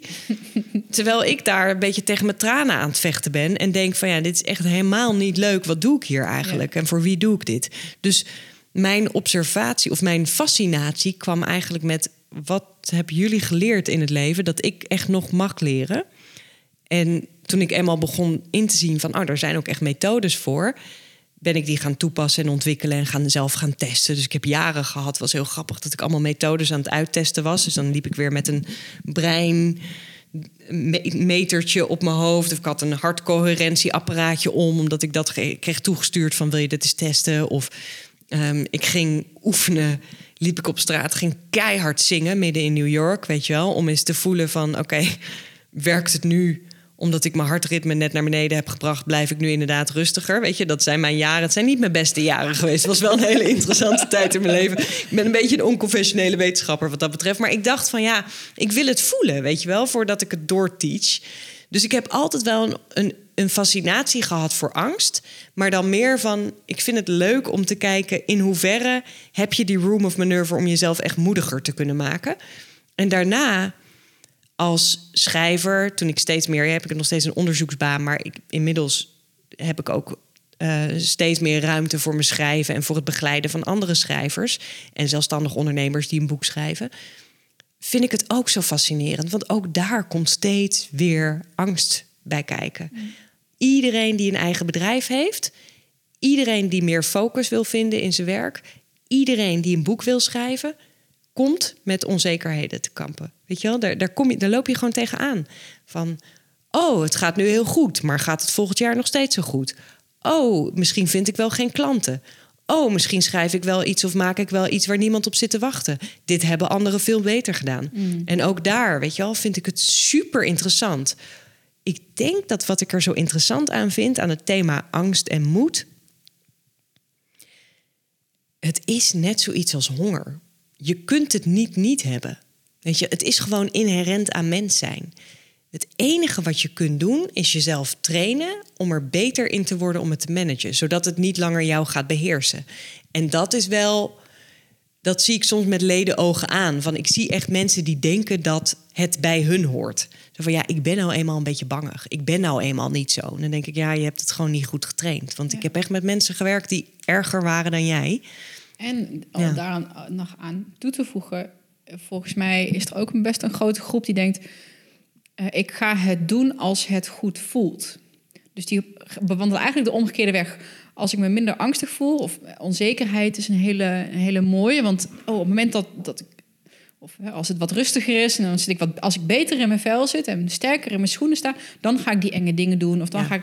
Terwijl het eigenlijk ook als ik jou beluister, is het net andersom. En je moet juist eerst stapjes maken, waardoor Ja. dat gevoel langzaam wordt gevoed. Ja, maar je moet het wel op een slimme manier doen. Hè? Ja. Dus, dus de coaches die bij mij een licentie hebben, dus die werken dan met uh, Fearlessly Fearful, die doen meestal een traject van heb je, heb je vijf sessies en dan gaan ze je met jou door de training heen en doen mensen het in stapjes. Of kun je ook zelf doen. Maar het is precies wat je zegt. Ik werk met schrijvers. Weet je hoeveel schrijvers er in Nederland zijn die echt al tien jaar zeggen: als ik het straks rustiger krijg, dan ga ik dat boek schrijven. Ja. Als ik straks precies weet waar dat boek over moet gaan, dan ga ik dat boek schrijven. En ze schrijven het natuurlijk nooit. Ja. Of ze beginnen er een beetje halfslachtig aan. Terwijl ik altijd zeg: we gaan gewoon dat boek schrijven. We gaan het ook in één jaar doen. Maar we gaan het wel met een plan doen. En we gaan ervoor zorgen dat je een soort van safety net hebt. Zodat op het moment dat je die mega onzekerheid krijgt, dat je dan gewoon een vangnet hebt. Zo van: oké, zo kan ik ermee omgaan. Want kijk, dat, dat omgaan met angst, je wordt er steeds beter in. Dat vind ik ook het mooie. Ehm, als je iets doet wat je heel spannend vindt, dus of dat nou klimmen is of je bent zelfstandig ondernemer, want dat is ook gewoon fucking scary. Of je doet, je doet iets waarin je voelt van ik ben mijn grens aan het opzoeken. Ik moet soms uit die comfortabele zone. Dan ga je steeds beter worden in het omgaan met angst op allerlei niveaus in je leven. En dat, daarom zie ik ook altijd voor mij is angst de tool die je kunt gebruiken om stukken van jezelf op te zoeken waar je anders niet zou zijn gekomen. Dus je gaat stukken van jezelf ontwikkelen die anders in de schaduw blijven staan. Want vaak de dingen die jij eng vindt, die wijzen naar iets wat je eigenlijk wel een beetje wil. Dus je moet gaan onderzoeken van wat zit daarachter. Dus wat is die keerzijde van angst?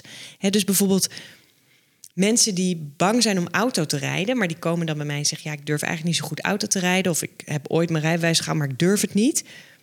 Ja, wat, wat is het verlangen wat daarachter zit? Niet per se autorijden, vrijheid. Ja. Of ik wil eigenlijk een onafhankelijk persoon zijn die gewoon naar die ene vriendin toe rijdt die best wel ver weg woont. Of ik wil zo iemand zijn die dan gewoon op roadtrip gaat. Weet je, dat, dat is het verlangen wat erachter zit. Dus het is veel interessanter om te kijken van wat zit daar dan en hoe kan ik daar naartoe werken. En dan is de fout dat mensen ofwel, je hebt altijd een cliché in, in je comfortzone. Uh, daar moet je dan uitstappen. Denk altijd ja, maar je moet wel een beetje weten waar je naartoe gaat. Want in de wetenschap rondom angst tekenen ze heel vaak drie ringen. En dan heb je de buitenste ring, dat is een soort paniek. Dus daar slaat de paniek toe. Dus dat was jij aan de muur, dat Ja. je ineens zo'n zo'n trilfactor door je lichaam krijgt. Als je daar bent, kun jij niks meer leren. Dus ook al zou ik op dat moment naast jou gaan hangen... en ik zou zeggen, hey Jeannette, weet je, je kunt dit nu proberen... je zou me niet meer horen. Je slaat helemaal niks meer op. Dus het heeft geen enkele zin om vanuit dat moment nog iets te gaan leren. Maar als jij nog op de grond zou staan... en ik ga dingen tegen je zeggen, dan ga, neem je ze ook niet zo goed op. Omdat je hersens dan een beetje verveeld zijn. Dus op het moment dat jij helemaal niet iets spannend vindt en ik ga dan tegenover jou zitten, dan ben je een beetje zo half weg met je gedachten. Dus als je heel efficiënt iets wil leren, dan moet je iets opzoeken waarbij je hartslag zeg maar ietsje sneller gaat, waarbij je ietsje op scherp staat. En dan ga ik tegen je praten, of dan ga je mijn lessen leren, of dan ga je met een van mijn coaches aan de slag. En dan sla je op. Ja. Weet je wel, dus je moet een soort van tussen die paniek. Je moet niet in die paniekzone komen, maar je moet ook uit de comfortzone, maar niet te ver. Want dan neem je niks meer op. En dat is de ring waarbinnen je het beste leert. Ja, ik herinner me ook ineens een, eh, ehm, een onderzoek wat, wat ik tegenkwam. Ik, ik ben gedragswetenschapper eigenlijk, psychologisch wetenschapper. Is ehm, als je leert voor een tentamen bijvoorbeeld. ehm, dat is ook een andere eh, het voorbeeldje wat je gaf met dat spreken. Je slaat het op in situatie A en je moet het herreproduceren in situatie B, zeg maar. Dus je leert thuis en je moet in die collegezaal moet je dat doen. En eh, een van de trucjes, dat herinner ik me ineens, was het, bijvoorbeeld het kauwen van kauwgom. Los of het wel of niet gezond is, maar ehm, als je dat in situatie A doet en ook weer in situatie B, is ook een soort van anker. Zo van, oh, die informatie heb ik. Eh, Ik weet niet precies hoe het werkt, maar dat, dat wordt dan een koppeling gemaakt, waardoor het ook weer makkelijker kan reproduceren in situatie B. En dat is misschien ook wat je met die hartslag eh, doet. Want ook als je iets doet dat eng is, dan is je hartslag ook hoog. Dus dan Ja, nou, het, het heeft er, het heeft er wel mee te maken. Dus, dus wat je vaak ziet hè, met, met visualisaties, als je bijvoorbeeld met sporters werkt of, of met ehm, eh, CEO's van organisaties die gewoon echt even moeten presteren op momenten dat het er toe doet. Ja. Hè, of met sprekers. Ehm, van, eh, weet ik veel, je bent een schrijver en je moet gewoon heel vaak voorlezen uit je eigen werk. Of je bent een, eh, je wil publiek spreker worden. En je moet eigenlijk in allerlei situaties moet je gewoon op je toppen presteren. ja, Word je op afgerekend, krijg je voor betaald, wil je. Dus als ik dan met die mensen ga oefenen met eh, verschillende methodes, laten we even teruggaan naar de visualisatie die we al besproken hebben, dan is het ook fijn dat je daar een ritueel aan koppelt. Eigenlijk krijg je, dus dat kan bijvoorbeeld een bepaald jasje aan of uittrekken zijn. Zo van even jezelf klaarmaken voor dat eh, moment waarop je moet pieken. Want jouw hersens gaan dat gewoon koppelen aan, oh ja, nu gaat het gebeuren. ja, Het is een beetje vergelijkbaar met wat slaapwetenschappers nu zeggen: van als jij beter wil gaan slapen, zorg er dan voor dat voordat je gaat slapen, dat je altijd een uur dezelfde routine uitvoert. Hè? Dus dat je de lampen gaat dimmen, dat je misschien wat rustige dingen gaat doen, dat je een kaarsje aansteekt, weet ik veel. ja. Ehm, daarvan slaan je hersens en je lichaam slaat op van, oh ja, we gaan slapen. Dus die gaan zich daarop voorbereiden. En hetzelfde kun je doen met presteren. ja. Andersom, met EMDR-achtige technieken, als je echt een trauma hebt en je zit bij een psycholoog en die gaat jou afleiden, en die gaat met zijn vingers knippen en jij vertelt een verhaal waar een trauma aan gelinkt zit, gaat hij dat eigenlijk ontkoppelen. Dus de, de emotie wordt losgekoppeld van het verhaal. Dat is eigenlijk een beetje hetzelfde. Van je kunt een, een bepaalde manier van doen of een, of een habit koppelen aan een gevoel wat je erbij wil hebben. En als je dat doet, als je jezelf daarop traint, dan wordt het makkelijker om daarin te blijven. Ja. Ja. Ja, Ah, en ook soms dan denk ik ook, het is bijna een beetje, het is gewoon eigenlijk vechten tegen onze natuur. Want als we kijken naar onze hersenen, die zijn natuurlijk helemaal gepruimd op, geëvalueerd om continu bezig te zijn met, oh, ben ik nog wel veilig, gaat het nog wel goed? En dat is prachtig, want daarom zijn we zover kunnen komen en loopt niet iedereen onder een bus van een ravijn af. Als je kijkt naar het default mode network, het ego, is natuurlijk continu van, ben ik nog veilig, is er gevaar? Ehm, Terwijl het eigenlijk helemaal niet meer relevant is in heel veel sociale contexten nu of überhaupt. Weet je, dan gaat hier niet eh, in één keer een steen of zo naar beneden vallen in dit. eh, Nee, nee, nou het kan, maar nee, Ja. het is heel, nee, maar het is, ik bedoel, dat is natuurlijk altijd bekende, hè, wat ze zeggen van ja, super handig in de fight of flight eh, Ja. periode, maar niet meer per se nu. Dat, het, dat, het, dat is altijd een beetje het cliché van het is niet meer zo heel handig, maar ik vind ook, dus het het is niet meer zo handig, want vroeger kwam je een beest tegen in, in de natuur en is het heel fijn om te voelen ik kan nu vluchten of ik kan nu gaan vechten. En daartussen zit eigenlijk niks. Ja. Tegenwoordig is het natuurlijk meer van... oh, mijn lief zegt iets wat mijn ego krenkt. En dat is heel eng. ja. Maar het is eigenlijk niet dat je er dood aan gaat. Dus is het dan handig dat je enorm gaat vluchten of vechten? Nee, dat is waar. En daar kun je zeker meer in leren om daar te managen. En daar, weet je wel, er zijn risicoanalyses die je kunt doen. Tegelijkertijd vind ik het ook wel altijd gaaf om te blijven kijken naar angst als iets wat een mooie graadmeter is of zo. Van Hmm. het wijst altijd wel iets aan. Kijk, soms is het gewoon super rationeel. Zo van ik ben echt blij waar, waar we het net over hadden, dat ik met klimmen gewoon een beetje bij de angstigen hoor. Want dat maakt denk ik dat ik minder kans heb om een ongeluk te krijgen dan anderen. Maar voor mij is angst ook altijd wel iets. Wauw, als ik ergens de excitement voel en ik vind het super eng. Ik heb dat bijvoorbeeld als ik boeken schrijf. Dat is altijd. Ik heb wel eens boekideeën en die voelen, denk ik, ja, ja, dat zou wel een goed verhaal zijn voor een roman. Ja. En ik heb wel eens boekideeën en dan zeg ik, ja, nee, maar daar wil ik echt niet naartoe. Weet je. Ja, en het zou wel heel. Nee, nee, maar dat, nee, dat is echt te groot. Ja, dat wordt het boek, weet je wel. Je voelt hem gewoon. Het ja, is, ja, ja, ja. maar heel veel schrijvers of potentiële schrijvers gaan daar natuurlijk van weg. Want die zeggen, ja, nee, maar dat zou ik echt nooit kunnen. Dat is echt te veel, dat is echt te moeilijk. Ik zeg niet dat je je dan zonder enig plan daarin moet werpen. Ik zeg dat je er een plan voor moet gaan maken. Want het, het zijn wel de dingen die aan je trekken. Dus het is waarschijnlijk is dat de angst die precies laat zien waar jij naartoe zou moeten gaan. Wil je echt gaan excelleren? Alleen dat is eng. Dus ik vind die angst ook altijd wel iets te geks of zo. Alleen we hebben nog niet, van nature hebben we niet zo heel veel technieken om ermee te werken. Dus die technieken zijn nog een beetje evolutionair achtergebleven. Terwijl je tegenwoordig, denk ik, in de meeste situaties, als je angst voelt, dat is ook iets interessants. Als je angst voelt, dat is niet altijd angst. Dat kan ook excitement zijn. Dus in jouw brein ziet dat er ongeveer hetzelfde uit. Dus of jij nou hevig excited bent, het kan ook verliefdheid zijn, of een onwijs goed entrepreneurial idee. Hè, dus dat je echt een idee hebt van, ik weet niet hoe dat bij jou gaat, maar hè, toen ik mijn jaarprogramma voor schrijvers bedacht, van oh, dat, dat voelde ook bijna een soort van, dat was spannend. Maar dat was goede spanning, want het was een soort van, oh fuck, dit is echt een goed idee. Waarom heb ik hier niet eerder aan gedacht?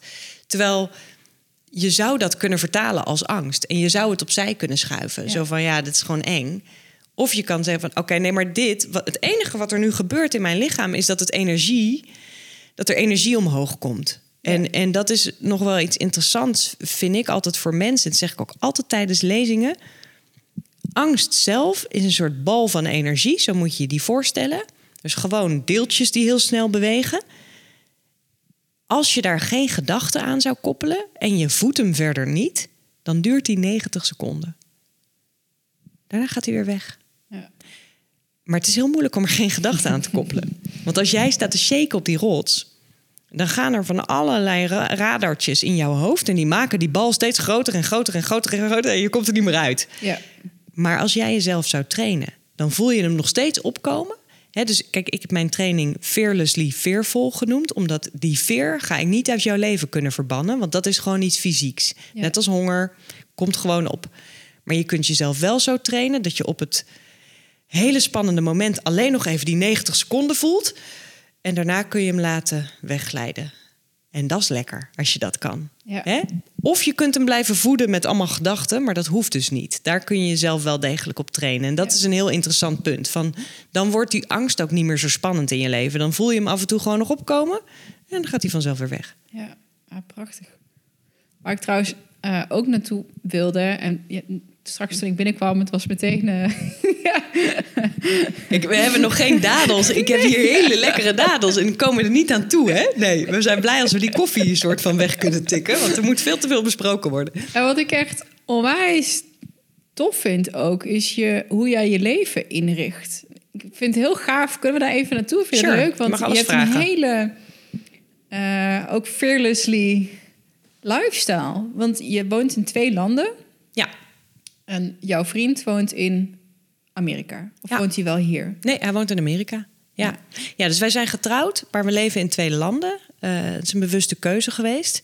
We willen ehm, samen zijn, want we hebben elkaar heel veel te bieden als partners, denken we. Maar we houden eigenlijk veel meer ook van een eigen leven. En hij kreeg een hele toffe baan aangeboden. En ik heb hier mijn schrijverschap en ik treed veel op en ik train mensen. Ehm, dus ik wilde graag hier blijven.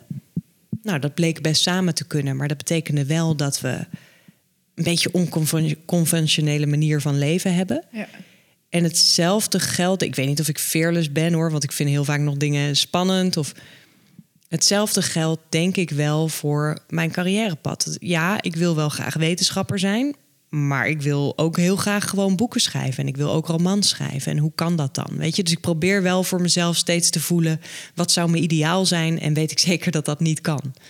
Um, bij, bij obstakels die je dan bedenkt, oh dat kan niet. Ja, of, of dat ik gewoon zie dat het nog niet gebeurt of zo. Of dat ik het in ieder geval niet om me heen zie. Dus dat, dat is wel wat ik voor mezelf probeer. Dat ik wel mijn eigen design van mijn leven zo probeer te maken dat het gewoon past bij wat ik graag zou willen.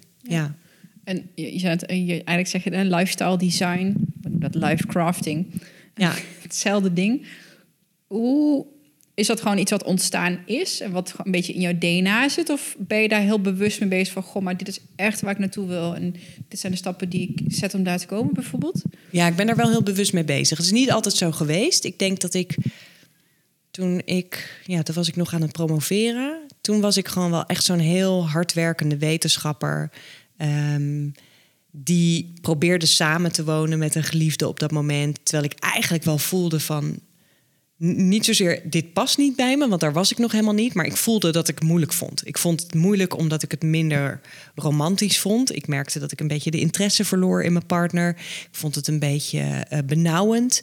Maar ik vond dat meer iets waar ik gewoon aan moest werken met mezelf. Ja. En in de wetenschap ging ik gewoon in de red race mee van 80 uur per week. Weet je, is heel normaal.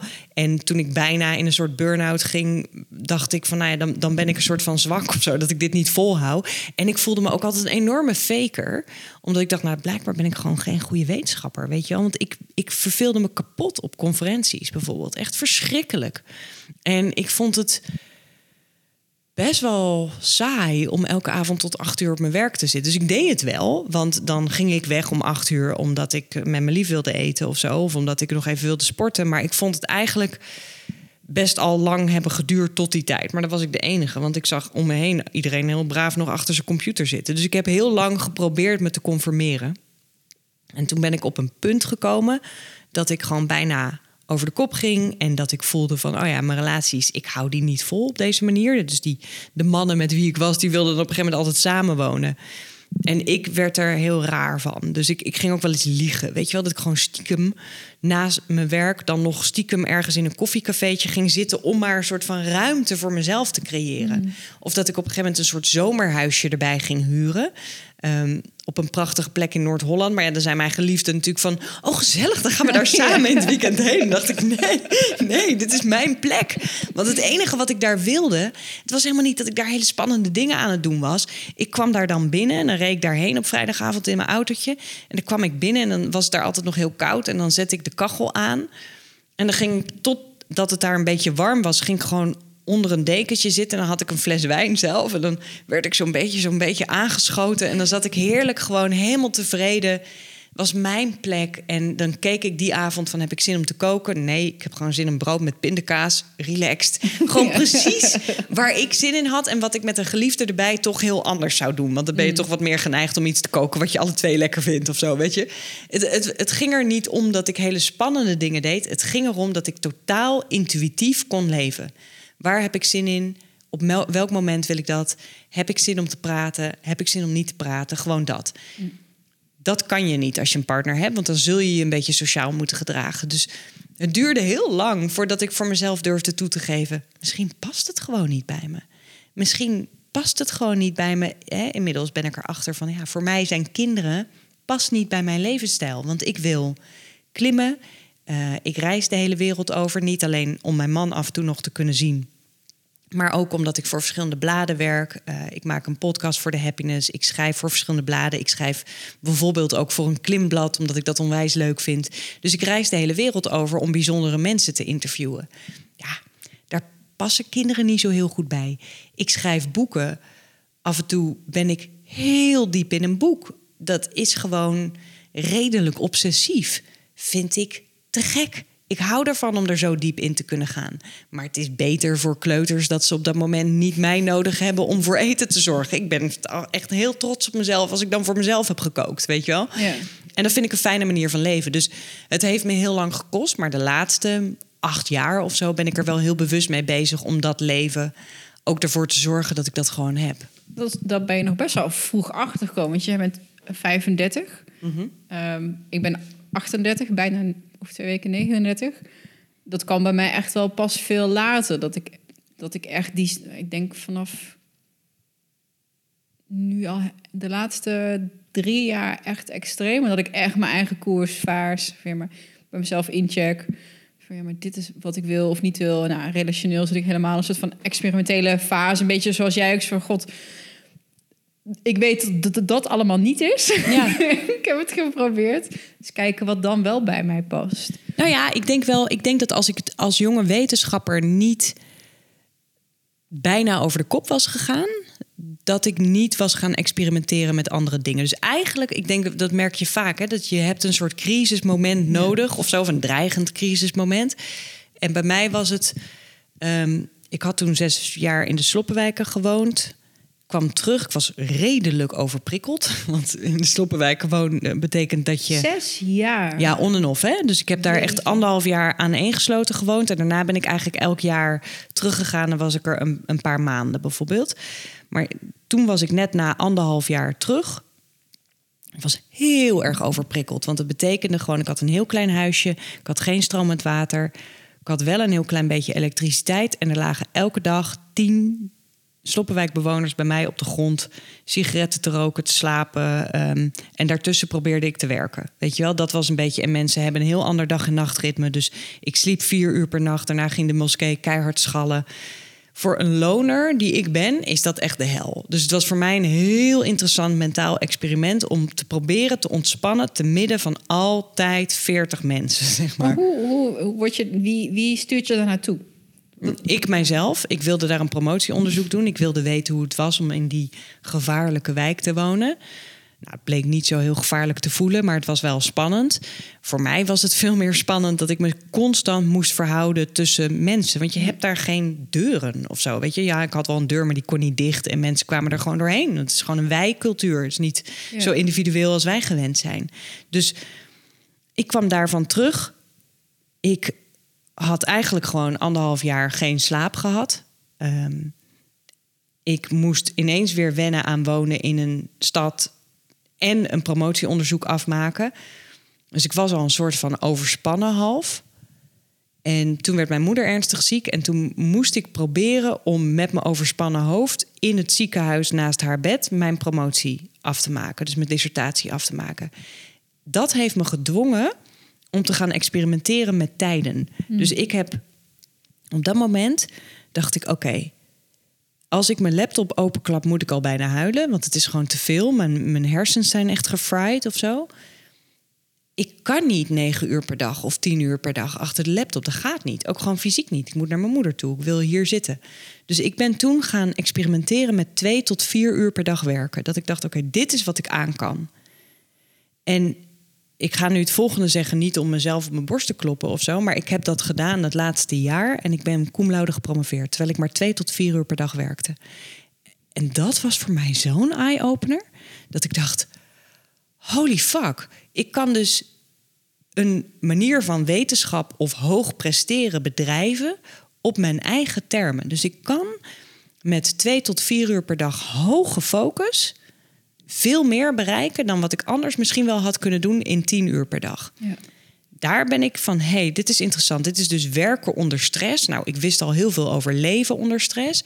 Maar wat gebeurt er nou met werken over, onder stress? Dus daar ben ik veel meer ook over gaan lezen, trainingen gaan volgen. Heb ik een jaarprogramma over bedacht. Van stressvrije productiviteit noem ik dat. Ehm, hoe kun je in heel weinig uren toch doen wat je wil doen? En hoe kun je dat zelfs beter maken dan je anders had gedaan? Daar raakte ik in geïnteresseerd. Daarna was ik nog niet klaar. Want daarna was ik dus een soort van: oké, ik had een hoog diploma. Maar wat wil je dan gaan doen? Weet je wel? Wil je dan professor worden? Nou, in heel veel universiteiten is dit nog niet de werkcultuur. Het is niet heel normaal dat je zegt na vier uur: jongens, Joe, was goed. Ik ga lekker klimmen. Oh, dat is... Ik, sorry dat ik je onderbreek. Nee, doe maar, leuk. dat was echt exact de reden dat ik uh, een beetje werd, met de nek werd aangekeken uh, op de universiteit. Want ik ben ook een loner en ik, ja. ik, trok me daar helemaal niks van aan. Ik was er gewoon soms wel, soms niet. En ik, ja, als het werk toch gedaan is, dan is het werk gedaan. En als mijn output goed is, dan is mijn output toch gewoon goed. Het lijkt ook wel een beetje gewoon, het lijkt niet, het is ook gewoon de norm. Uh, niet alleen op de academische wereld, maar op de werkvloer. Van een van mij zei het een paar weken terug nog, die um, goede baan, marktonderzoeksbureau, gewoon senior onderzoeker. En nu zij zelfstandig ondernemer is, dus zij helpt haar uh, vriend in het bedrijf. Zegt ze, nu pas zie ik, na anderhalf jaar, hem, weet je wel, fulltime... 80, 50% van mijn tijd ging gewoon op aan collega's. Ja. Aan sociaal zijn ja. op de werkvloer. Zo van, terwijl nu, als je kijkt wat ik in een dag of in vier uur voor elkaar krijg, als ik me gewoon, weet je wel, daarop focus. denk ik, ja, maar dat is precies waar we het nu over hebben. Van ja, oké, okay, ik zit er misschien tot s'avonds acht uur, maar mijn hemel, ik ben niet productief. Nee. En uh, um, ik, ik, vul die tijd ook met tripjes naar de kantine, bijkletsen met collega's. Nou ja, en, en, wat dacht je van social media? Hè? Ik bedoel, dus de, dat is in, je kunt ook acht uur achter je bureau zitten, maar als jij gaat werken. Um, totdat je eigenlijk al over dat punt van vermoeidheid heen bent. Dus jou, jouw hersens hebben een bepaalde periode waarin je hoog gefocust kunt werken. En die periode is voor iedereen anders. Dus ik ga dat altijd in, in de eerste les die mensen in mijn jaarprogramma krijgen. Ik krijg elke week een les, maar de eerste les gaat altijd van: oké, nu ga je erachter komen. Hoe groot is de ruimte die jij hebt? Verschilt voor van persoon tot persoon om op je piek te blijven werken. Dus dat je hersens gewoon full, aan, full on aan het draaien zijn. Zodra je daar overheen gaat, dus je blijft te lang hangen achter die laptop, wordt de kwaliteit van je werk gewoon minder. Dan kan je het nog wel even volhouden, maar wordt minder. Als je er te lang in blijft hangen, dan zit je op een gegeven moment te Instagrammen. Want je bent eigenlijk te moe aan het worden en je gaat afleiding zoeken. Voor de een is het Instagram, voor de ander is het Netflix, voor de ander is het zijn moeder bellen. Voor de ander is het zich aftrekken achter de computer. Voor de ander is het een zak chips opentrekken en steeds naar je keukenkastje lopen. Dat doe ik. Als ik te moe word, dan ga ik de hele tijd ga ik denken... je moet volgens mij nog even wat uh, eten maken of zo. Of heb ik nog, uh, weet je dat. Dus echt een teken van dat mijn hersens eigenlijk een beetje over hun hoogtepunt heen zijn. Dus ik werk met in mijn jaartrainingen... werk ik met het ultradian-ritme. Dus eigenlijk een beetje de meeste mensen... Uh, kennen dat niet, maar het is een soort cyclus die de hele dag en nacht doorloopt. De meeste mensen kennen het wel als het gaat over je remslaap. Mm dus je gaat in je slaap, ga je van je remslaap naar lichtere slaap en dan weer terug. Eigenlijk loopt dat ritme, dat verschilt ook per mens, loopt door ook overdag um, in jouw werkfocus, in je concentratiemodus. Dus je hebt variërend van 40 minuten tot 90 minuten voor de meeste mensen. Ergens daar zit je zeg maar in je hoge concentratie. En daarna gaat hij weer afnemen. Dus als je daarop gaat leren te werken, voor de meeste mensen hebben ze dan na vier uur per dag daarop, meesurfend, zeg maar, hebben ze genoeg. En hebben ze gedaan wat ze anders in tien uur hadden gedaan. maar dan heb je nog lef nodig, want dan komt de angst weer om de hoek. Want stel nou dat jij in een kantoorspace werkt, leuk, die kantoortuinen van nu. Dan moet je dus ook nog de cultuur gaan zien te creëren, of de dapperheid, Waarin je gaat zeggen van, ho is, ik heb in die vier uur zoveel gedaan. Ik mag nu gewoon een boswandeling gaan maken, weet je wel? Of ik mag gaan klimmen, of ik mag um, iets gaan doen waar ik gewoon heel blij en geïnspireerd van word. Dus ik zeg al tegen mensen, als ik ideale werkdagen heb, dan heb ik vier uur per dag echt output. Dus dan zit ik met mijn academische team. Ik heb een aantal promovendi voor me, voor me werken. Voor me werken klinkt heel ongezellig, maar met me werken. Um, dus wij hebben een team van vijf, zes mensen samen. Dus dan zit ik of zit ik echt artikelen te schrijven, of ik ben hun aan het begeleiden, of ik zit met een schrijver die ik help met zijn boek, of ik zit in mijn eigen boek. Weet je wel, echt gewoon helemaal diep, erin. Ja. Daarna heb ik vier uur inspiratie nodig. Dus ik ga luisteren naar een mooie podcast. Ik ga een mooie documentaire kijken over iets waar ik wat van wil leren. Ik ben poëzie aan het lezen. Ik ga um, iets tot me nemen waar ik gevoed door word. Mm. En dan heb ik vier uur waarin ik echt heel bewust werk aan herstel van mijn hersens. Dus gewoon alsof je een sporter bent. Um, ik ga klimmen. Ik ga buiten wandelen met de hond. De hond is er nu niet, want die heb ik in Amerika achtergelaten. Ja, ik wou zeggen, je, had me via de mail nog gezegd, Ja. er is wel een hond. Er is een hond. Ja, nee, ik heb Jax even achtergelaten. Die, eh, die verm- vermaakt zich ontzettend met het jagen op raccoons en zo daar Oh, nu op dit moment. En ik ga hem in de zomer weer halen, als ik mijn liever heb gezien. Ehm, maar ik doe iets waarmee ik zorg voor mezelf. Of ik ga lekker uitgebreid douchen. Of, maar weet je, ik zorg echt dat ik heel bewust tot rust kom. En dan zeg ik altijd tegen de mensen die in mijn programma's... of als ik lezingen geef of trainingen... dat sporten, dat moet jij niet naast je werk doen. Dat is, onder, dat is je baan. Want als je werkt, en voor heel veel mensen tegenwoordig is dat zo, waarin je, je werkt met je brein, of je bent zelfstandig ondernemer of je doet iets creatiefs, dan is het echt je baan om jouw hersens optimaal te laten presteren. En dan ben je dus eigenlijk een soort topatleet. En dan is het dus aan jou om je eigen coach te worden. Want je kunt ook blijven werken. Je kunt gewoon achter je computer blijven zitten. En dan heb je. Dan ben je heel erg verslaafd aan dat gevoel van druk zijn. Ja, dingen afstrepen. Van Ja, ben je heerlijk. Maar je bent niet aan het werken op je 100% optimale prestatievermogen. Dus het is de kunst om daar te blijven. En dus eigenlijk ook niet, als ik het even eh, doortrek, eigenlijk ook niet zo lang door te blijven werken dat je geen puff meer hebt. Om Nee, te man, sporten. dat is Want dan funest. ben je eigenlijk te ver. Ja, Want Ja. ik zat er meteen aan mezelf te denken. Ik denk, oh, ik wilde vanavond gaan eh crossfitten voor het eerst. Ja, ik woonde dus echt helemaal acht, achteraf in de Achterhoek. En ik, al een jaar. En ik kwam er nu vorige week pas achter dat er een sportschooltje bij mij in het dorp zit op 10 minuten. Fijn. Ik denk, oh, dan ga ik, me daar, ga ik daar weer wat eh, doen. En ik zat me uit te bedenken, oh man, zo twee podcast. En dan nog zo meteen weer terug met de auto vanuit Amsterdam. Ja, ik ga vanavond echt niet meer, ik ben zo moe. Toen hoorde ik jou in eerste instantie denk ik, oh nee, wacht even, ik moet wel echt gaan sporten. Want Ja. Maar nu denk ik maar eigenlijk ben ik gewoon te moe. Ja, En maar je mag dus onderscheid maken- bij, ja. bij eh, een wandeling of zo. Nee, dat zou kunnen. Kijk, je je mag denk ik onderscheid maken tussen. eh, je hebt natuurlijk een, een, een aantal. Je hebt wilskracht in je hoofd, zeg maar, en in je hersens. En dat is gewoon een soort spanbreedte waar je uit kunt eh, putten. En die is op op een gegeven moment. Dus jij hebt vandaag enorm gefocust. Want Ja. als je goede interviews moet doen met mensen, dan ben je onwijs aan het opletten. Ja. Dat heeft je heel veel energie gekost. Dat kun je gewoon, als ik jou nu onder de scanner zou proppen, kan ik dat gewoon zien. Ik kan Dus- voelen. Ja. Ja, dan moet je straks ook nog auto rijden, moet je opletten, want je gaat in de spits. Hè? Dus, dus ik denk dat jij terecht voelt dat je heel erg uitgeteld bent. Dus wat ik zou doen, is ik zou wel iets doen waarin je beweegt of uit je hoofd komt. Maar het zou zomaar iets mogen zijn waarvan je voelt dat je heel weinig discipline hoeft op te brengen. Dus als je weerstand voelt tegen de sportschool, weet ik niet of ik nu zou kiezen voor de sportschool. Ja. Dus je kunt hem inzetten van ja, ik ga wel iets doen waarvan ik weet dat het goed voor me is. Dus ik doe op dat soort dagen ook wel eens dat ik bewust naar een afspraak loop. Dus als ik ergens een lezing geef, zeg ik van nou ja, leuk, eh, het is een half uur van het station. Ik kan een Uber pakken of ik kan lopen. Dus dan ga ik expres lopen, want dan weet ik van ja, dat is wel een soort van, het is niet keihard sporten, maar het is een soort van in de slowdown.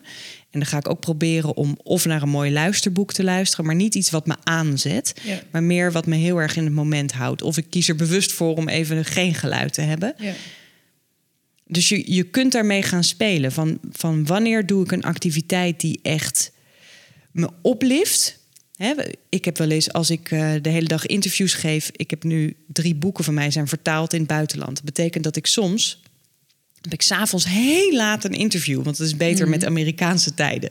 Ja, dan moet ik de hele dag door... en dan moet ik dan ineens performen, zeg maar. Dus wat doe ik dan vlak daarvoor? Nou, dan moet ik... stel dat ik 's ochtends al een lezing geef ergens... en ik weet om s'avonds om 11 uur... of ik zit hier in Nederland wel eens bij iets als Nooit meer slapen... om 1 uur s'nachts, top, in Hilversum, leuk. Moet je helemaal spits zijn en scherp en gezellig en leuk... dan doe ik iets met muziek van tevoren. Dus Ja. ik kan mezelf echt opladen met bepaalde muziek... en dan sta ik hier gewoon een beetje zo... weet je wel, gewoon om even op die high frequency te komen.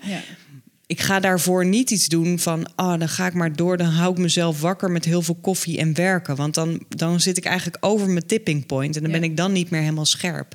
Dus het helpt heel erg als je van jezelf leert van wat zijn mijn breinpatronen. En als je jezelf daar op een gegeven moment bewust van bent en je kunt dat voelen in je lijf, van, oh, ik zit nu dit, hier, dan weet je ook wat je ongeveer nodig hebt. Ja. Maar als mensen ermee beginnen en ik zeg: Oké, we hebben nu gemeten. Jij weet dat jouw breinpatroon werkt zo dat je na ongeveer 50 minuten zit je op je tipping point. En dan zeg ik, dan moet je daar dus eigenlijk preventief even pauze houden. En dan kan je weer een nieuwe cyclus in van nog een keer 50 minuten. Vinden mensen echt. Na drie maanden vinden ze het fantastisch. Want dan zeggen ze: Ah, ik merk echt dat mijn werk fantastisch heel veel beter is geworden. De eerste drie weken zijn ze altijd heel boos op me. Dan zeggen ze: Ja, nee, maar dit werkt niet. Want ik, ik, ik was net lekker. Ik was echt net lekker bezig. Ga ik toch geen pauze nemen? Ik was nog helemaal niet moe. Nee, Ja, maar je ja, moet die moeheid juist voor zijn. Want als je er te lang in blijft hangen, dan gaat je kwaliteit gewoon naar beneden. Ja. En dan zit je ineens, ineens al, ben je al voor de derde keer een eitje aan het bakken of eh, wel aan het snijden, weet je wel. Terwijl je, Met eh, lepel in de pindakaas. ja, precies. Dat punt wil je voorkomen. Want daar, daar schreeuwt je hersenen, schreeuwt je brein eigenlijk van: hey, geef mij eens letterlijk energie. Ja. Als je daarvoor dat doet en je gaat iets doen waar je even afleiding voor hebt, weet je. Dus dat betekent niet je Gmail, Facebook, Instagram rondje doen. Dat is geen pauzeren, maar gewoon echt iets doen wat je voeding geeft. Dan kun je vier keer zo'n rondje afgaan en dan zul je zien dat je dan genoeg hebt gedaan voor de dag. En als je dan zorgt voor een mooie echte pauze, dus of je nou een lange wandeling of sommige mensen vinden het heel fijn om dan met heel veel aandacht voor zichzelf te koken of weet je wel, echt even iets doen waar jij gelukkig van wordt. Dan heb je eh, de kans dat je de volgende dag weer zo geïnspireerd erin gaat.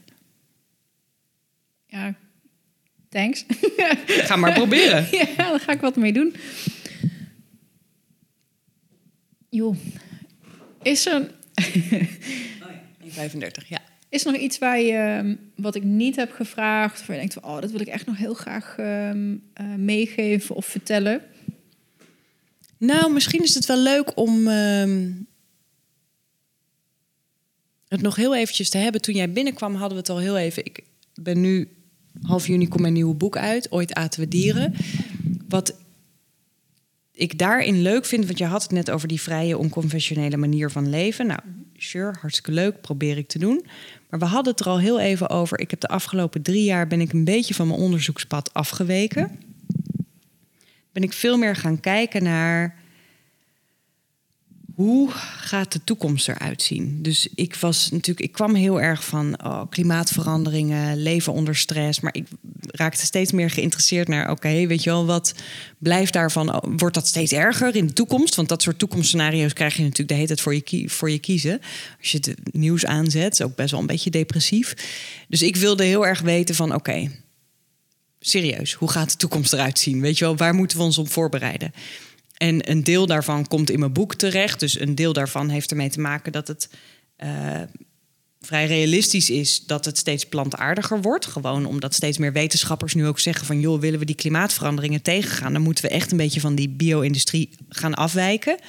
Vond ik heel interessant, dus daar ben ik een boek over gaan schrijven, een non-fictieboek. Maar ik heb daarvoor ook heel veel onderzoek gedaan onder futurologen, eh, toekomstexperts, trendwatchers. Om gewoon er wat meer achter te komen van wat, wat gaat dat met de rest van onze toekomst doen. En inmiddels ben ik ingeschreven ook bij de Nederlandse Organisatie voor Futurologie. Ehm, wat niet betekent dat ik een futuroloog ben, maar ik noem mezelf wel antropoloog van de toekomst. Weet je wel? Dus ik was altijd antropoloog en nu ben ik antropoloog van de toekomst. Van ik heb wel een inkijkje gekregen. En wat voor jouw luisteraars denk ik wel leuk is, is dat die manieren van werken, waar we het nu net over hadden, ehm, maar ook dat gekke vrije leven, dus je relatie gaan indelen op een manier die bij jou past, dat ga je steeds meer zien. Dat durf ik wel te voorspellen. Nu, je kunt nooit de toekomst voorspellen, maar je kunt wel een beetje zeggen wat lijkt nou aannemelijk. Omdat dat instituut van het huwelijk, zoals we dat vroeger deden, of het instituut van een relatie, natuurlijk heel erg anders aan het worden is, omdat we steeds minder elkaar nodig hebben voor economische stabiliteit. Hetzelfde zou je kunnen zeggen voor banen. Je krijgt steeds minder dat mensen echt 50 jaar of 30 jaar bij één werknemer zitten. We gaan steeds meer toe naar flexcontracten of dat mensen verschillende banen voor zichzelf hebben. Je krijgt ook steeds meer beroepen straks, want robots gaan steeds meer dingen overnemen. Dus je krijgt het enige wat er overblijft voor jou en mij om te doen, of voor de kinderen die jij en ik niet gaan krijgen, maar de rest van Nederland wel. Ehm, voor de volgende generatie krijg je andere beroepen. Want de enige beroepen die mensen kunnen blijven doen zijn menselijke beroepen. Dus, dus praten, ehm, service verlenen, trainingen geven. Maar heel veel andere dingen, gaan robots overnemen. Dus wat blijft er over? De beroepen waarbij je totaal je eigen tijd kunt indelen en je eigen werkplek kunt organiseren. Nou, dat is heel interessant. Dus als jij zegt van, oh, jij, jij leidt een vrij leven, dan denk ik ja, dat is grappig. En dat gaan we in de toekomst gaan we dat steeds meer doen. Want op het moment dat jij niet meer vanuit de kerk of vanuit de economie bij één partner hoeft te blijven, of bij één werkgever of op één plek, ga je ook steeds meer keuze daarin krijgen. Dus ga je steeds meer dat je dat live kunt craften op een manier die bij jou past. En dat zie je ook wel in allerlei toekomstscenario's. Zie je dat, nou bijvoorbeeld, mensen uh, veel meer in vriendenwoongroepen gaan wonen. Of in groepjes waarmee je misschien met sommige mensen een seksuele relatie hebt en met anderen meer een vriendschapsrelatie. Sommige mensen gaan ervoor kiezen om helemaal niet meer echt een liefdespartner te hebben. Misschien vrijen ze af en toe met verschillende mensen, maar meer te zoeken naar intellectuele of, of andere warme vriendschappen. En dat is genoeg voor ze. dus je hoeft niet meer met één partner door het leven, maar je gaat kijken wat zijn nou de aspecten die mij gelukkig maken en hoe kan ik die aspecten in mijn leven krijgen. En dat betekent dat je misschien met bepaalde hele toffe vrouwen samen in een woongroep gaat wonen. En af en toe wat mannen erbij zoekt als je heteroseksueel bent voor wat seksuele spanning. Maar dat, dat is het. Of je gaat uh, groepjes wetenschappers hebben die met elkaar wetenschapsweken. Dan gaan ze gewoon in één huis zitten en dan gaan ze daar onwijs brainstormen. En dan hebben ze de rest van het jaar genoeg voeding daarin. Je krijgt um, steeds meer van die flexplekken op allerlei um, plekken op de wereld waar je kunt gaan zitten en waar je jouw werk kunt doen. Je krijgt inspiratieweken. Ik bedoel, mijn lief en ik gingen zoeken naar. Oké, we willen ons verbinden. Maar we willen dus op, in twee verschillende landen blijven wonen. Hoe gaan we dan onze relatie vormgeven? En wij wilden op een gegeven moment um, ons formeel verbinden. En wij hebben dat gedaan met een huwelijk. Dat ik zei van nou ja, ik wil wel met jou trouwen. Als in, ik vind het wel mooi voor ons om te zeggen, om uit te spreken van ik wil met jou het leven door, zolang wij elkaars leven mooier maken. Maar wij, ik wil niet bij zo'n ambtenaar. Toen zijn we gaan zoeken naar, kan je ergens op de wereld, is het mogelijk ergens op de wereld om te trouwen zonder ambtenaar? Kan dat? En toen hebben we één staat in Amerika gevonden waar dat kan. En dan moesten we wel zeggen dat we mormonen waren, geloof ik. of zo.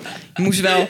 Maar, maar dat hebben we gedaan. En daar kan je. Um, je, je hebt alleen twee getuigen nodig. Dus wij zijn buiten in de natuur getrouwd tijdens een klimweekend met medeklimmers. En die moesten een papier ondertekenen dat zij getuigen waren geweest van het moment dat wij ons in de echt verbonden aan elkaar. Dus wij hebben gewoon op een prachtige plek buiten met champagne onze klimkloffies uh, verruild voor. Ik had een jurk meegenomen, die heb ik aangetrokken. Oh, dat wel. Ja, die heb ik op dat moment aangetrokken. Achter een rots heb ik me even omgekleed. en een hele uh, clash van. Uh, ja, maar wel op blote voeten. ja, was, was op blote voeten. En we hadden ons allemaal. We zijn even in het water gesprongen, wat daar was. Een mooi watertje, bron. En uh, we zijn een beetje dronken geworden in de zon van de champagne. En uh, we hebben een taartje gegeten. En uh, we hebben geklonken. En wij hebben een zelfbedachte tekst opgelezen. Waar bijvoorbeeld ook in zat. Als ik jou. Als jij mij niet meer geeft wat ik nodig heb, dan geef ik je ook de vrijheid, geef ik mezelf de vrijheid om weer van jou weg te gaan. Mm. En dat was voor ons een belangrijke huwelijksvoorwaarde. Dus soms in mijn leven is het belangrijk dat ik echt ga onderzoeken: weet ik zeker dat het niet kan? Ja. Of kan het misschien toch wel? En ik denk dat we dat steeds meer gaan zien in de toekomst. En ik zie ook bijvoorbeeld dat dat vrij verstrekkende gevolgen heeft. Ik denk dat je over twee generaties ga je veel meer kinderen krijgen die niet meer echt jongetje of meisje zijn, maar die er een beetje tussenin hangen of die hun eigen gender gaan kiezen. Omdat ook dat wordt dan minder belangrijk. Als je het instituut huwelijk, als dat niet meer hoeft, omdat iedereen een beetje zijn eigen geld gaat verdienen. Misschien wel basisinkomen krijgt mhm. straks uh, voor een deel. Als je niet meer op één plek hoeft te wonen. Als je niet meer één standaard relatie hoeft. Omdat er niet meer naar wordt gekeken alsof dat gek is. Ja. ja waarom zou je dan nog heel erg blijven hangen in man-vrouw patronen? Hè, voor, voor sommige mensen blijft dat heel goed voelen. Dus die, die blijven zich daar prettig bij voelen. Voor heel veel andere mensen niet meer. Dus die gaan er een beetje tussenin hangen. Is dat um, uh, niet dat ik het niet met je visie eens ben hoor, maar is het ook niet een soort van vertekening of een bias door het referentiekader wat jij nu hebt? Want ik kan me ook heel goed voorstellen dat er een ontzettend grote groep mensen is die nu, maar misschien ook wel in de, in de toekomst nog steeds, zeg maar, uh, die zich daar helemaal niet prettig bij voelen. Die juist heel erg gebaat zijn bij wel die structuren en die, die leefregels die op een manier, dan misschien niet de kerk, maar um, enforced worden. Nou, ik denk dat de, de grootste groep mensen die zullen zich hierbij houden. Want dat is altijd, kijk, de, altijd een grap um, in futurologisch of in toekomstschetsen. Dat er dan hele mooie plaatjes worden bedacht met allemaal robots. Maar de mensen blijven totaal hetzelfde. Mhm. Ook in hun denken. En ik denk dat dat niet waar is. Van kijk, we komen ook uit uh, een tijd waar het heel normaal was om heksen te verbranden. Ja, nee, ik... Weet je wel? dus je onderschat niet hoe anders we gaan denken. Maar jij raakt nu aan iets wat natuurlijk wel biologisch bepaald is, namelijk dat mensen behoefte hebben aan contact met andere mensen en zich mhm. veilig voelen. Dus ik denk dat dat hetzelfde blijft. Maar hoe zich dat uit en in welke woongroepen of in welke woonsamenleefdingen, dat gaat wel veranderen. Dus wat je nu bijvoorbeeld al wel ziet, is dat veel kinderen van nu, ehm, mensen van onze generatie, een beetje beginnen na te denken over hun ouders. Zo van, hmm, ik wil eigenlijk niet dat mijn vader later in een bejaardentehuis terechtkomt, want die zijn niet heel fijn in Nederland. Maar ik wil hem ook niet in een huis, dat wil hij ook niet. Dus je krijgt nu al intergenerationele woningen. Hè? Dat mensen zeggen van ik koop misschien wel een huis waar dan ook nog een huisje bij hoort. Waar mijn oude moedertje dan kan gaan wonen. Die kan prima op zichzelf. Maar dan woont ze nog een beetje bij mij in de buurt. Nou, dat soort toekomstschetsen zie je wat meer. Dat mensen dus gaan kiezen van hé, hey, kunnen we een soort van. Of kunnen we met vrienden een stukje land kopen? Ja, en, dat hoor ik inderdaad wel eens vaker. Ja, dat begint te komen. Kunnen wij ons veilig stellen? We, gaan veiligheid zoeken op andere manieren. En omdat je het niet meer helemaal kunt krijgen van je werkgever. Wat natuurlijk vroeger, vroeger was het heel normaal dat je 30 jaar voor dezelfde fabriek werkte. En dan kreeg je er ook nog een, een, een arbeiderswoningje bij. Ja. Nou, dat gaat een beetje wegvallen. En dat zie je ook steeds meer wegvallen. Zie je nu al van mensen krijgen flexcontracten. Dus dan gaan mensen andere dingen bedenken om zich veilig te voelen. Dus je hoort steeds meer mensen die zeggen: ik koop een stukje land. Ik zoek investeerders, namelijk gewoon andere vrienden die ook een beetje autarctisch willen leven. En die gaan daar wonen op dat terrein, wel weg van elkaar, want we zijn allemaal een beetje loners. We hoeven niet te heten met elkaar aan tafel. Maar we vinden het wel tof om één keer in de week eens een keer samen te eten. Um, of om af en toe uh, een soort deeleconomie met elkaar te kunnen hebben. Weet je, dat we niet meer mm. echt eigen bezittingen hebben, maar we delen met z'n allen twee auto's en uh, daar redden we het wel mee. Dus je zoekt veiligheid, maar dat kan op allerlei soorten manieren. Dus het hoeft niet meer zozeer in het instituut huwelijk of een monogame relatie. Of een enkele relatie of een exclusieve relatie. Het kan wat meer open gaan zijn. Zal niet voor iedereen zo zijn. Of het kan wat meer in een vriendengroep zijn. Of het kan wat meer, nou, ik ben eigenlijk best wel aseksueel. Uh, maar ik vind het wel fijn om die warmte te hebben. Dus ik denk dat je veel meer variëteit gaat hmm. zien. Jammer dat, dat we niet zeg maar het eindplaatje zelf dan mee gaan maken. maar, nee, maar, maar het gaat snel gebeuren, denk ik hoor. Dus ik denk dat als je je ogen open houdt en je blijft gewoon geïnteresseerd, dan denk ik wel dat we er de puntjes of de, de, de ja, eerste. Dat, wat je nu schetste, dat zie ik, hoor, zie en hoor nu ik nu al. Uh, Die bestaan er al, die, die worden al uh, her en der dat soort plekken, woonplekken. Um, uh, opgebouwd, zeg maar. Ja, en ik denk dat, kijk, jij en ik worden, wij worden de bejaarde generatie van straks. Nou, nu, als je nu kijkt, begint nu al te komen dat mensen zeggen: hé, hey, laten wij met een groepje gelijkgestemde bejaarden later samen in die villa wonen. We gaan twee zusters inhuren voor als het zover is. Daar teken ik nu al voor in. Zo gezellig. Ja. Heel veel mensen van onze generatie zien het al niet meer zitten. Zo van, ik ga niet eindigen in dat bejaardentehuis... waar mijn billen één keer in de week worden afgeveegd, weet je wel? En dit is even heel cru, want mensen in bejaardentehuizen... werken hartstikke hard en doen het met alle liefde. Maar we weten allemaal dat het meestal niet de beste plek is om te willen zijn. dus je begint nu al dit soort... de toekomst, dat klinkt klinkt altijd alsof het heel ver weg is, mm. maar het is dichterbij. En als ik soms in mijn lezingen laat ik uh, robothuishonden zien, bijvoorbeeld, dan zeggen mensen: Oh, grappig, eng in de toekomst. Zeg nee, maar deze bestaat al, jongens. En dit gaat heel snel, gaat dit normaal worden. Dus ik laat in mijn lezingen altijd alleen maar dingen zien die al bestaan of die al gebeuren. De toekomst is er al in die zin, alleen hij is nog niet overal. Maar over tien jaar, of over twintig jaar, of over dertig jaar, misschien wel. Dus dat is wel iets heel leuks. Dus als mensen daarin geïnteresseerd zijn, in mijn boek doe ik het een beetje. In mijn lezingen doe ik het nog veel meer. Want dit is echt, jongen, ik vind dit zelf zo ontzettend leuk om hier onderzoek in te doen. Ja. ik vind het echt heel erg leuk om erover na te denken. En, en die lezingen, ehm, want de boeken zijn gewoon te bestellen. Ja. Neem, ik, neem ik aan. Sure, ja. Um, als mensen zitten luisteren, wow, dit klinkt echt super inspirerend, interessant. Waar, ja.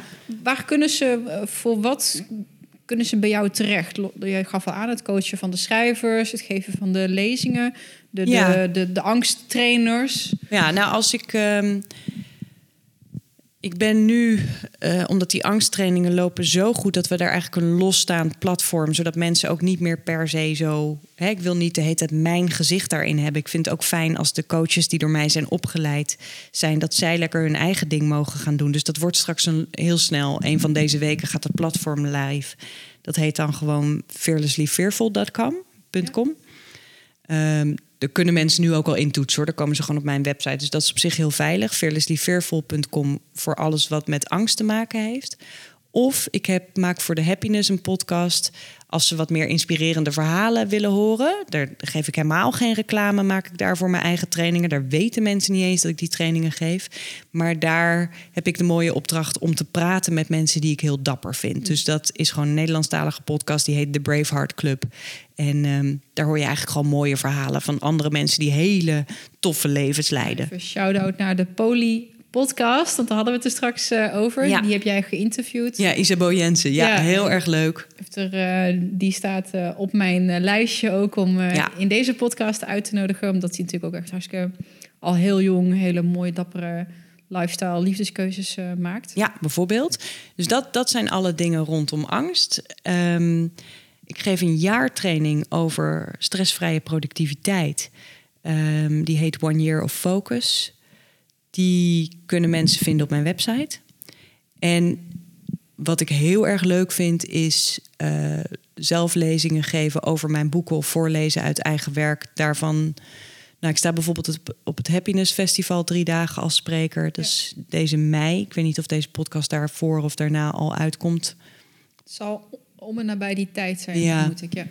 Ehm, maar ik begeleid vijf schrijvers per jaar ongeveer echt intensief in mijn Writers Mastermind. Dus daar zoek ik echt mensen op uit. Ehm, ik ga in september ook een schrijfweek. Er wordt een uh, schrijf, yoga, meditatieweek. Ga ik uh, met een samenwerkingspartner geven. Dus wat mensen het beste daarvoor kunnen doen.